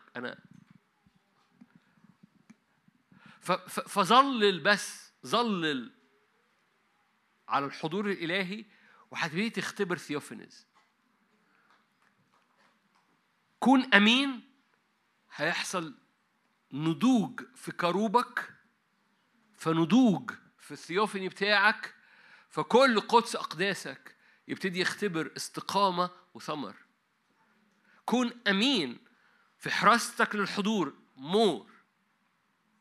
هتجد كل البيت كل اللي انت بتعمله كل ما تمتد إلى يدك كل ما يحدث حواليك بيتنقل بكروب بنفس الطبيعة الروحية. بطبيعة روحية مليانة نخيل ومليانة استقامة صديقين فمليانة ثمر. وكل ما تدرك إن ده, كل ده ده حضرتك أنت الهيكل. أول ما الهيكل بتاع كل ده كل ده جوه روحك كل ده جوه الهيكل كل ده جواك. أول ما الهيكل ده بي بيدرك الملك الهيكل اللي في السماء بيتفتح. أنتوا مدركين دي أنتوا عارفين رؤية 11 رؤية 11 هو إمتى إمتى الهيكل اللي في السماء اتفتح؟ لما اللي على الأرض سبحوا وقالوا قد صارت ممالك الأرض للرب ولمسيحه رؤية 11 نختم بالآية دي. بوق الملاك السابع في حدثت أصوات عظيمة من السماء آية 15 قيل قد صارت ممالك العالم لربنا ومسيحه. سيملك إلى أبد الآبدين. خلي بالك. فالإعلان إيه؟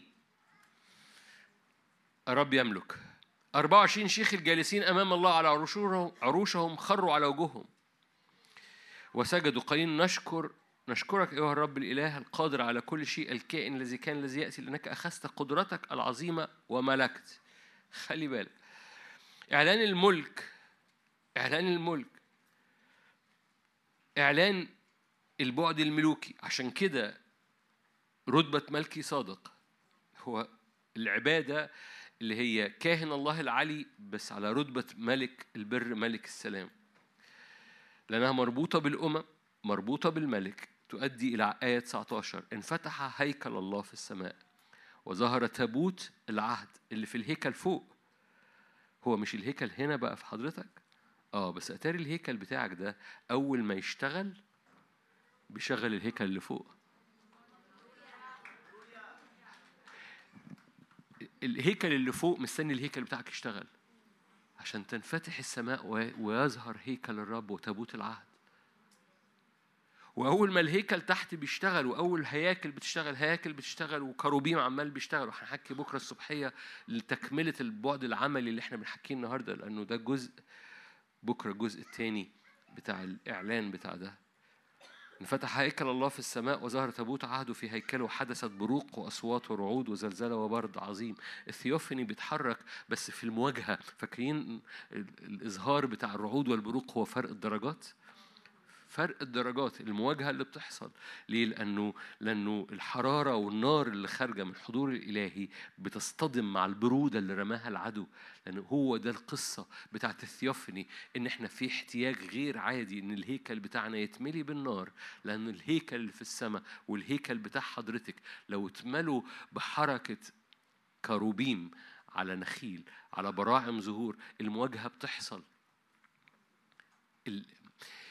كل ما يزداد الطبيعة الروحية جواك أقوى من اللي بيحصل في الأرض. كل ما كروبك يبقى أقوى من المواجهة كل ما انتصار الكنيسة بيزداد.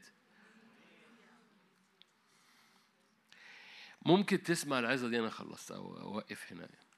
بكرة هتكلم أكتر عن الحركة والخدمة بالروح ده بالإعلان بصورة سنة زيادة.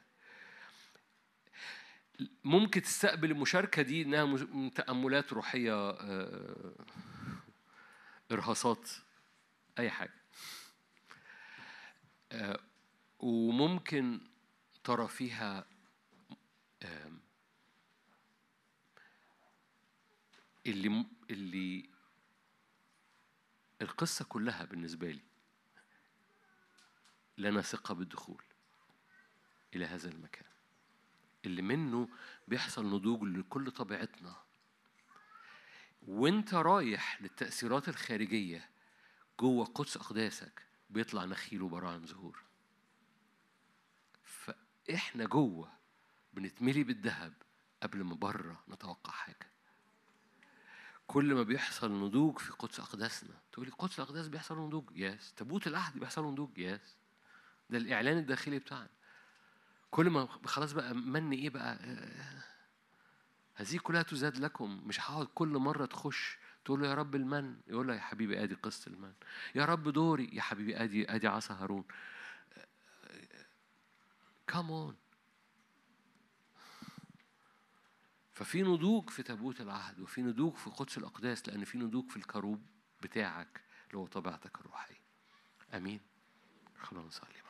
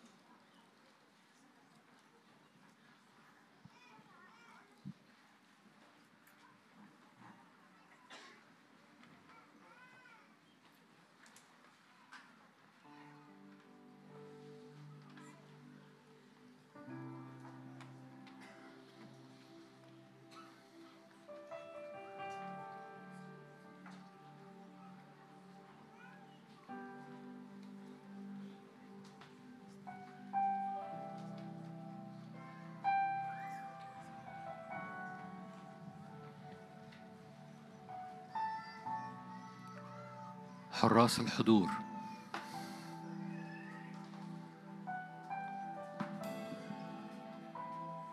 الكاروبيم حراس الحضور.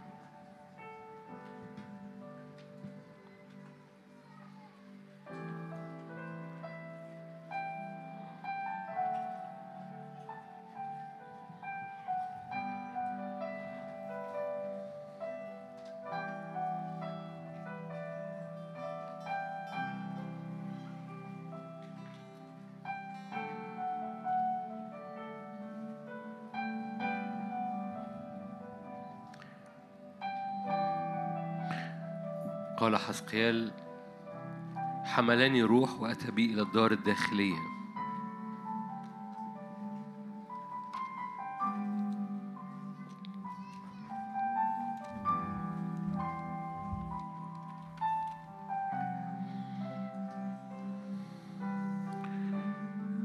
جاء مجد الرب فحملني روح حملني روح. وأتى بي إلى الدار الداخلية إلى قدس الأقداس. روح الله تعالى معونا احملنا إلى هذا المكان. حملني روح. وأتى بي إلى الدار الداخلية.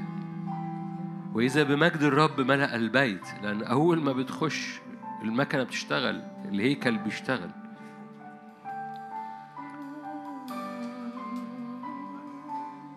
حملني روح وأتى بي إلى الدار الداخلية وإذا بمجد الرب ملأ البيت سمعته يكلمني وكان رجل واقفا عندي. ثيوفني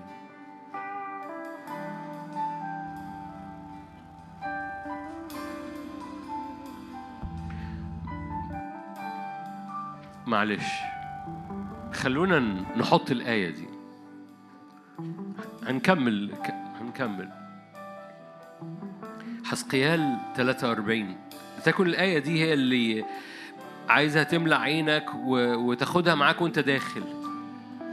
هقراها لك مرة كمان. 43 خمسة. حملاني روح. ده معونة الروح ليك. لأن الروح يحملك. حسقيال 43 خمسة. حملاني روح. ودخل بي إلى الدار الداخلية قدس الأقداس يعني. وإذا بمجد الرب ملأ الهيكل الهيكل اشتغل. بس ده بيؤدي إلى ثيوفني. سمعته يكلمني. وكان إيه؟ هو ده ثيوفني. رجل ده الرب. كان رجلا واقفا عندي. حملاني روح. معلش. قولها ورايا. حملاني روح. أتى بي إلى الدار الداخلية. مجد الرب ملأ البيت. سمعته يكلمني. وكان رجلا واقفا عندي. حملني روح. وأتى بي إلى الدار الداخلية. مجد الرب ملأ البيت. وبيته أنا. وسمعته يكلمني. وكان رجل واقفا عندي. حملني روح. معلش آخر مرة. أتى بي إلى الدار الداخلية.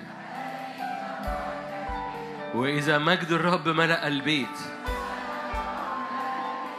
معلش أنا قلت لك آخر مرة هرجع فيها. حط إيدك على قلبك.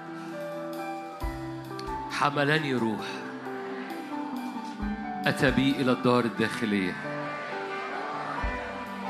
إذا مجد الرب ملأ البيت.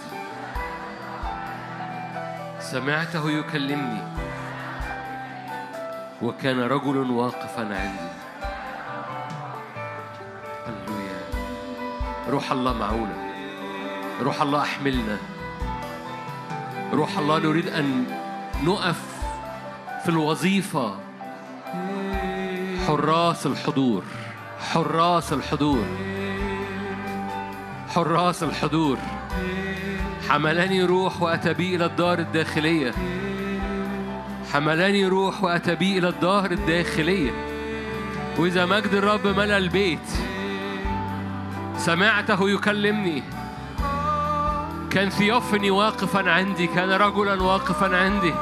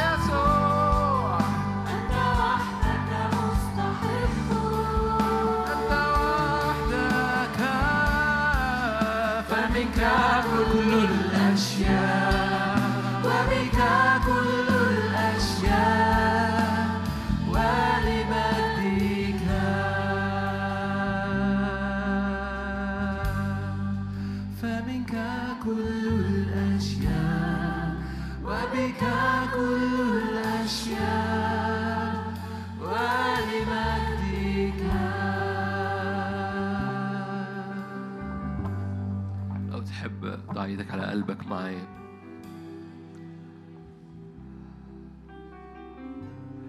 أبويا السماء بنشكرك إنه شريعتك في قلوبنا. نشكرك إنك أطلقت إنك أنت ساكن فينا وإن إحنا بقينا هيكل ليك. أشكرك إنه لم تعد الشريعة برانا ولم يعد الهيكل برانا. لكن نحن هيكل الله والشكينة ساكنة فينا. لأن كلمة شكينة يعني سكنة. أشكرك إنه ما بقتش فروض خارجية زي اليهود. ما بقاش ناموس شريعة. لكن بقى محبة وحضور وتجسد وإيمان. بشكرك إن تابوت العهد بقى فينا. قدس الأقداس بقى جوه قلوبنا. عشان كده قلت يا ابني أعطيني قلبك. عشان كده أنت قلت أضع شريعتي في قلوبهم. قول يا رب أنا أنا بضع إيدي على قلبي وأقول لك يا رب سأحرس حضورك فيا. سأحرس الشكينة اللي ساكنة فيا. هأظلل عليها. يا روح الله احملني إلى الدار الداخلية. زي حسقيال 43 فحملني روح إلى الدار الداخلية. فملأ مجد الرب البيت؟ يا روح الله معونة لحراسة تابوت العهد. أفرد أجنحتي أظلل وأعبد وأسجد وأستقبل وأرى وأسمع لأنه كان يكلمني سمعته يكلمني. وكان رجلا واقفا عندي أشكرك أشكرك أشكرك. املانا بالمشهد املانا بالهيكل املانا بقدس الأقداس. وكل ما أكون أمينا في القليل أنت بتفرد الكروب فيا. باسم الرب بتفرد طبيعتي الروحية. هللويا يا روح الله ندوق في الطبيعة الروحية. يا روح الله نقلات في طبيعتنا الروحية. يا روح الله قوة في طبيعتنا الروحية فيزداد الإعلان وال... وقدس الأقداس يبتدي يتغير طبيعته وجدرانه تتنقل وجدراننا الداخلية تتنقل. فالجدران بتاعتنا تتنقل إلى كروب ونخيل وبراعم زهور. هللويا. يا روح الله نشاط activity في إنساننا الباطن نشاط جوه إنساننا الباطن حركة جوه إنساننا الباطن.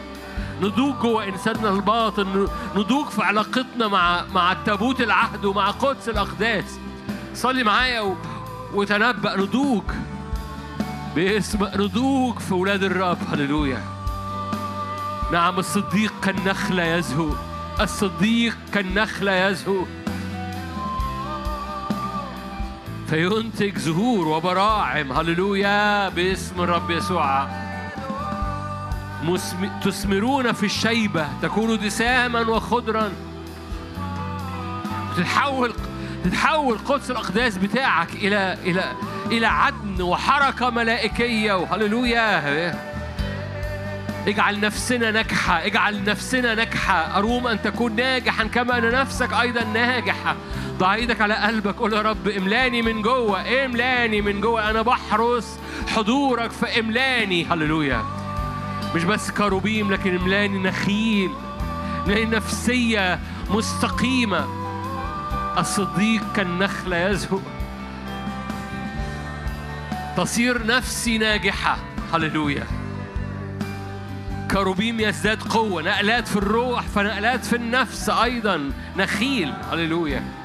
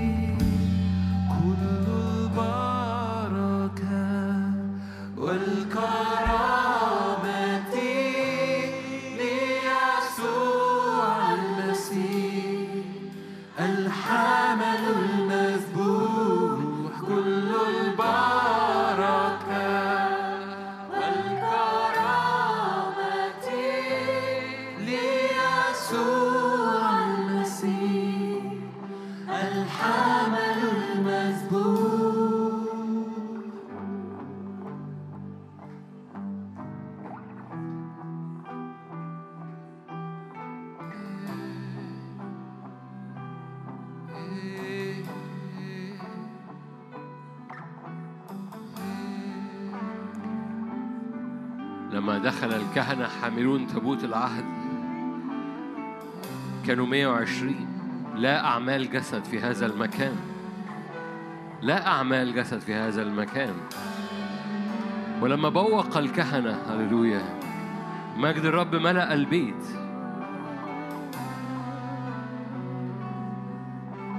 جميع الكهنة الموجودين تقدسوا. لم تلاحظ الفرق. الكهنة 120 ينفخون بالأبواق. لما صوت المبوقون كصوت واحد لتسبيح الرب أن البيت بيت الرب اتملى سحاب. أدخل الكهنة تابوت عهد الرب إلى مكانه في المحراب تحت جناحي الكروبين.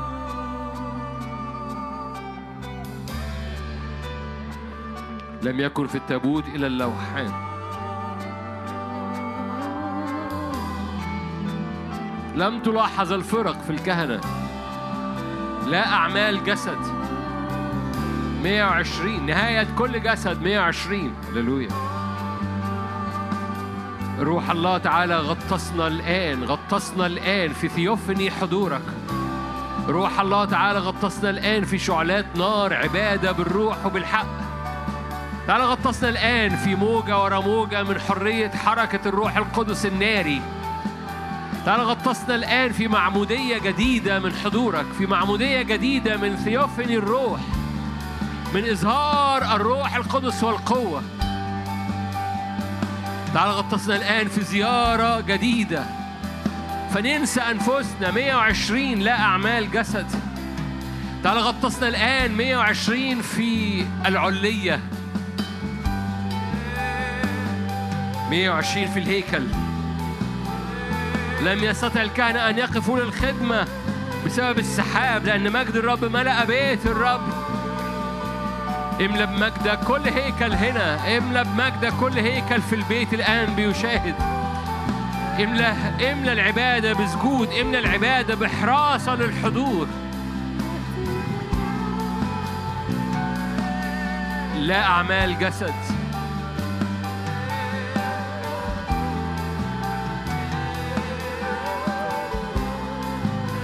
الروح يقدس الروح يمسح الروح يقدس الروح يطلق أجنحة الكروب فيك.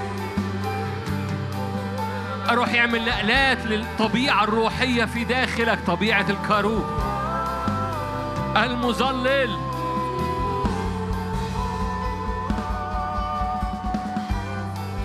هللويا. افرد أجنحتك افرد أجنحتك الكروب له أجنحة يرفعون أجنحة كالنسور افرد أجنحتك قول أنا بظلل حضورك في حياتي. لن أدع هللويا لن لن أرخيك لن أتركك لن أدع حضورك. يسرسب لما الحضور ابتدى يفارق الهيكل في حسقيال الكروب مشي معاه لأن الحراسة تحرس إيه لو مفيش حضور. هللويا. لن أطلقك. لن أطلقك. هللويا. افرد أجنحة هدوء افرد أجنحة روحك. يرفعون أجنحة كالنسور دي أجنحة الطبيعة الروحية اللي بتاعتك أجنحة الكاروب. هللويا. إيه. نهاية لأعمال الجسد. لا أعمال جسد فيما بعد لا مقارنات لا انحسارات في آخرين. عينيك مش شايفة إلا الشكينة. فقط. فقط فقط فقط فقط فقط فقط. لا احتياج للمن. لا احتياج لعصا هارون.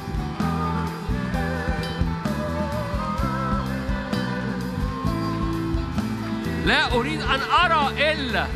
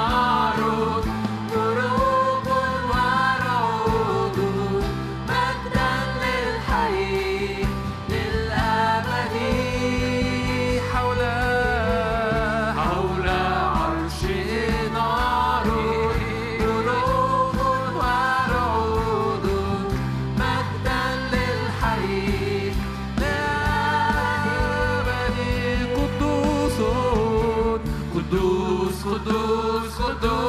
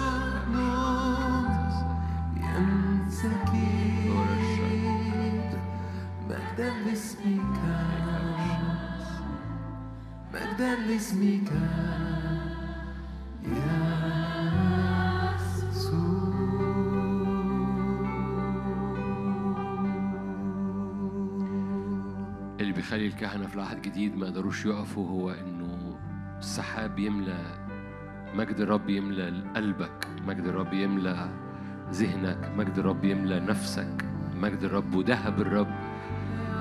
قال لك قدس الأقداس بقى كله ذهب ده تقل المجد تقل الملك. فرب تعالوا نصلي نطلب ده يا رب. املانا بتقل مجدك املى الهيكل بتاع كل واحد واحدة هنا. طبيعة كروبيم قوية مفرودة مش على مستوى خيمة الاجتماع لكن على مستوى سليمان وعلى مستوى حسقيال انقل كروبيم فينا انقل الطبيعة الروحية انقل وقفتنا. كل ما يزداد تقل ذهب الملك. هللويا. كل ما الغلبة مضمونة كل ما تواضع بيزداد كل ما هللويا. وجه ال... وجه الآب بيلمع في جدران حياتك. أبناء الله يصيروا ظاهرون ليه؟ لأنه وجه الآب ابتدى يلمع في كل حاجة في لأنه كل حاجة الأرض بقت ذهب الحيطان بقت ذهب فوجه الآب بيلمع في جدرانك الداخلية.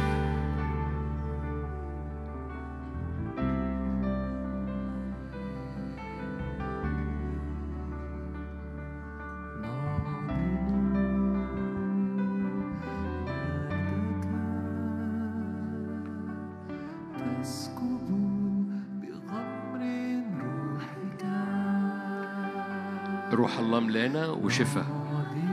وإحنا بنرنم الترنيمة دي استقبل شفائك مجدك استقبل دهنة. تسكب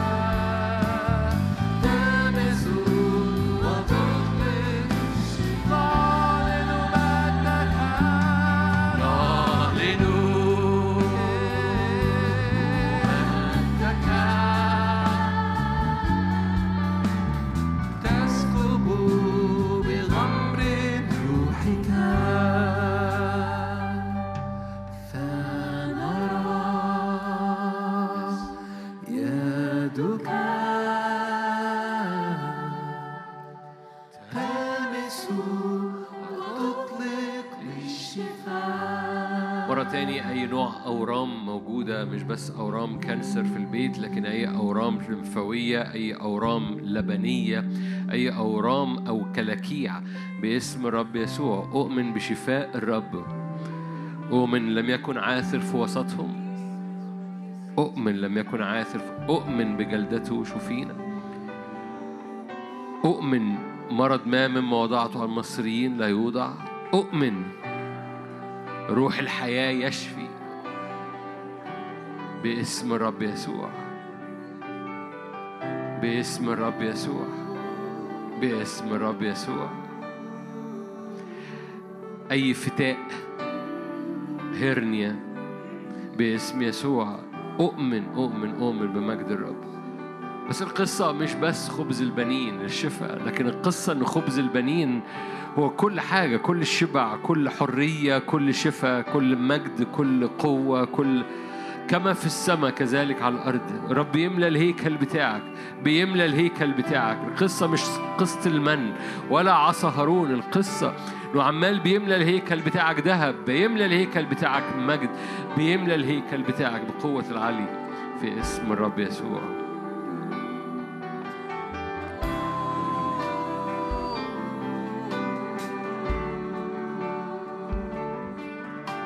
فمرة أخيرة قبل ما نختم هذا الاجتماع ضع إيدك على قلبك. املى الهيكل ذهب الملك.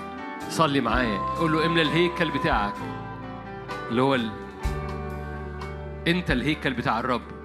أنتم هيكل الله. قول له املى الهيكل بتاعك يا رب ذهب. ذهب حضورك ذهب مجدك. نظف الهيكل. اطرد الباعة من الهيكل. أطرد الصيارفة وال أطرد كل حاجة تانية. اطرد اطرد أطرد كل حاجة من الهيكل نقي بيدرك. رفشه بيده ينقي بيدره. بيتي بيت صلاة يدعى. قال الرب غيرة بيتك تملأ قلوبنا إحنا كمان. باسم يسوع. أشكرك. أشكرك. بيوت مجد بيوت قوة هياكل مجد هياكل سلطان هياكل مواضع سلطان الرب على الأرض هياكل مقدسة هياكل مليانة نار ومليانة إعلان هياكل مليانة مسح وقوة هياكل لن لن تكوني كما كنت من قبل أن ربي يطلع ذهب مختلف بيطلع نضوج مختلف بيطلع كروبيم مختلف. كروبيم مختلف تماما جوه نفسيتك وجوه قلبك وجوه قدس الأقداس بتاعك. كروبيم مختلف مهاب جدا. بأجنحة بالعرض. هللويا. مغطية كل نفسيتك مغطية كل هيكلك من جوه. كروبيم مليان قوة منتصب مليان مليان مليان مسحة مليان سلطان مليان وجه الآب. كروبيم مليان وجه الآب وعمال بيتنقل إلى وجه الأسد وجه النسر وجه الثور.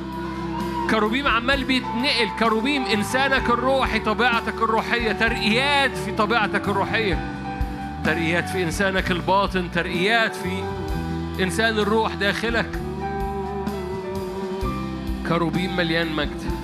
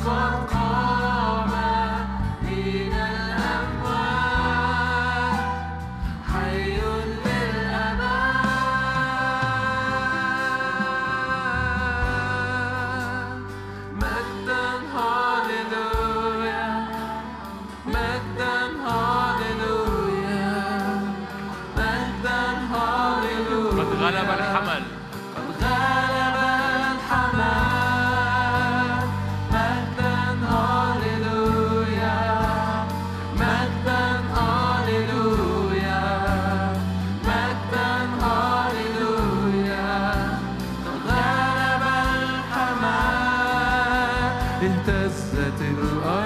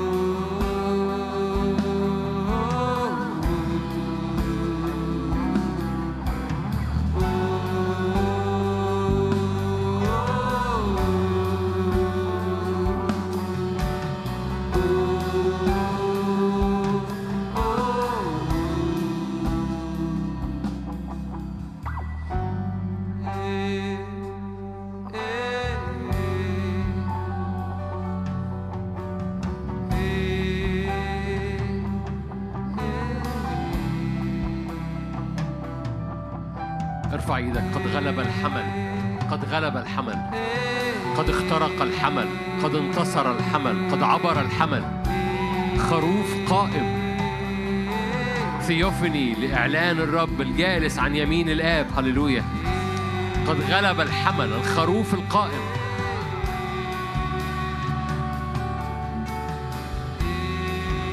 الرب عابر أمامك نار أكلة. أشكرك أبويا السماوي. أشكرك أشكرك أشكرك أشكرك. أشكرك من أجل النار أشكرك من أجل المجد أشكرك من أجل ال... أشكرك من أجل تغيير أجواءنا من خلال هيكل بيخترق بانتصار وبعبور. هللويا. أشكرك من أجل حوالين كل هيكل مدينة وكل مدينة للرب تفتدي المدينة اللي هي فيها. حوالين كل مسبح هيكل وحوالين كل هيكل مدينة وكل مدينة تفتدي باسم الرب يسوع. أبويا السماوي امسح قلوبنا امسح هياكلنا امسح ايدينا المرفوعة قدامك من أجل إطلاق الدعوة والتكليف على حياة كل حد فينا. في اسم الرب يسوع. أبويا السماوي غطاء لكل حد مروح مسافر مراجع لمحافظته. غطاء لبكرة بحضورك وبمجدك باسم الرب يسوع. أشكرك من أجل إطلاق أبطال خلال هذا الزمن خلال هذا الموسم الروحي. أشكرك من أجل مسحة إطلاق الأبطال ورداء الناري اللي بتطلق بيه كل إعلان في حياة ولاد الرب.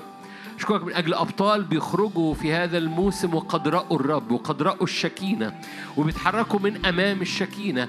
يقدروا يقولوا زي إيليا حي هو الرب اللي أنا واقف قدامه حي هو الرب اللي أنا بقف قدامه قدام شكينة حضوره بسمع صوته حي هو الرب لأني بتواجد في هذا المكان كل يوم حي هو الرب لأنه هللويا لسان حال كل واحد حي هو الرب أنا واقف واقف قدامه واقف قدامه. في قدس الأقداس في قدس الأقداس في تابوت العهد. أشكرك أبويا السماوي من أجل سلطان حضورك وسلطان تابوت عهدك وسلطان مجدك في حياة ولاد الرب. أشكرك باسم الرب يسوع. هللويا. غطاء مجد غطاء حضور غطاء انتصار غطاء غلبة. يغطي كل واحد واحدة فيكم في اسم الرب يسوع. لإلهنا كل المجد. أمين. تنبيه مهم. الساعة 10 هيبقى في اجتماع عبادة وتسبيح فقط. فالساعة 10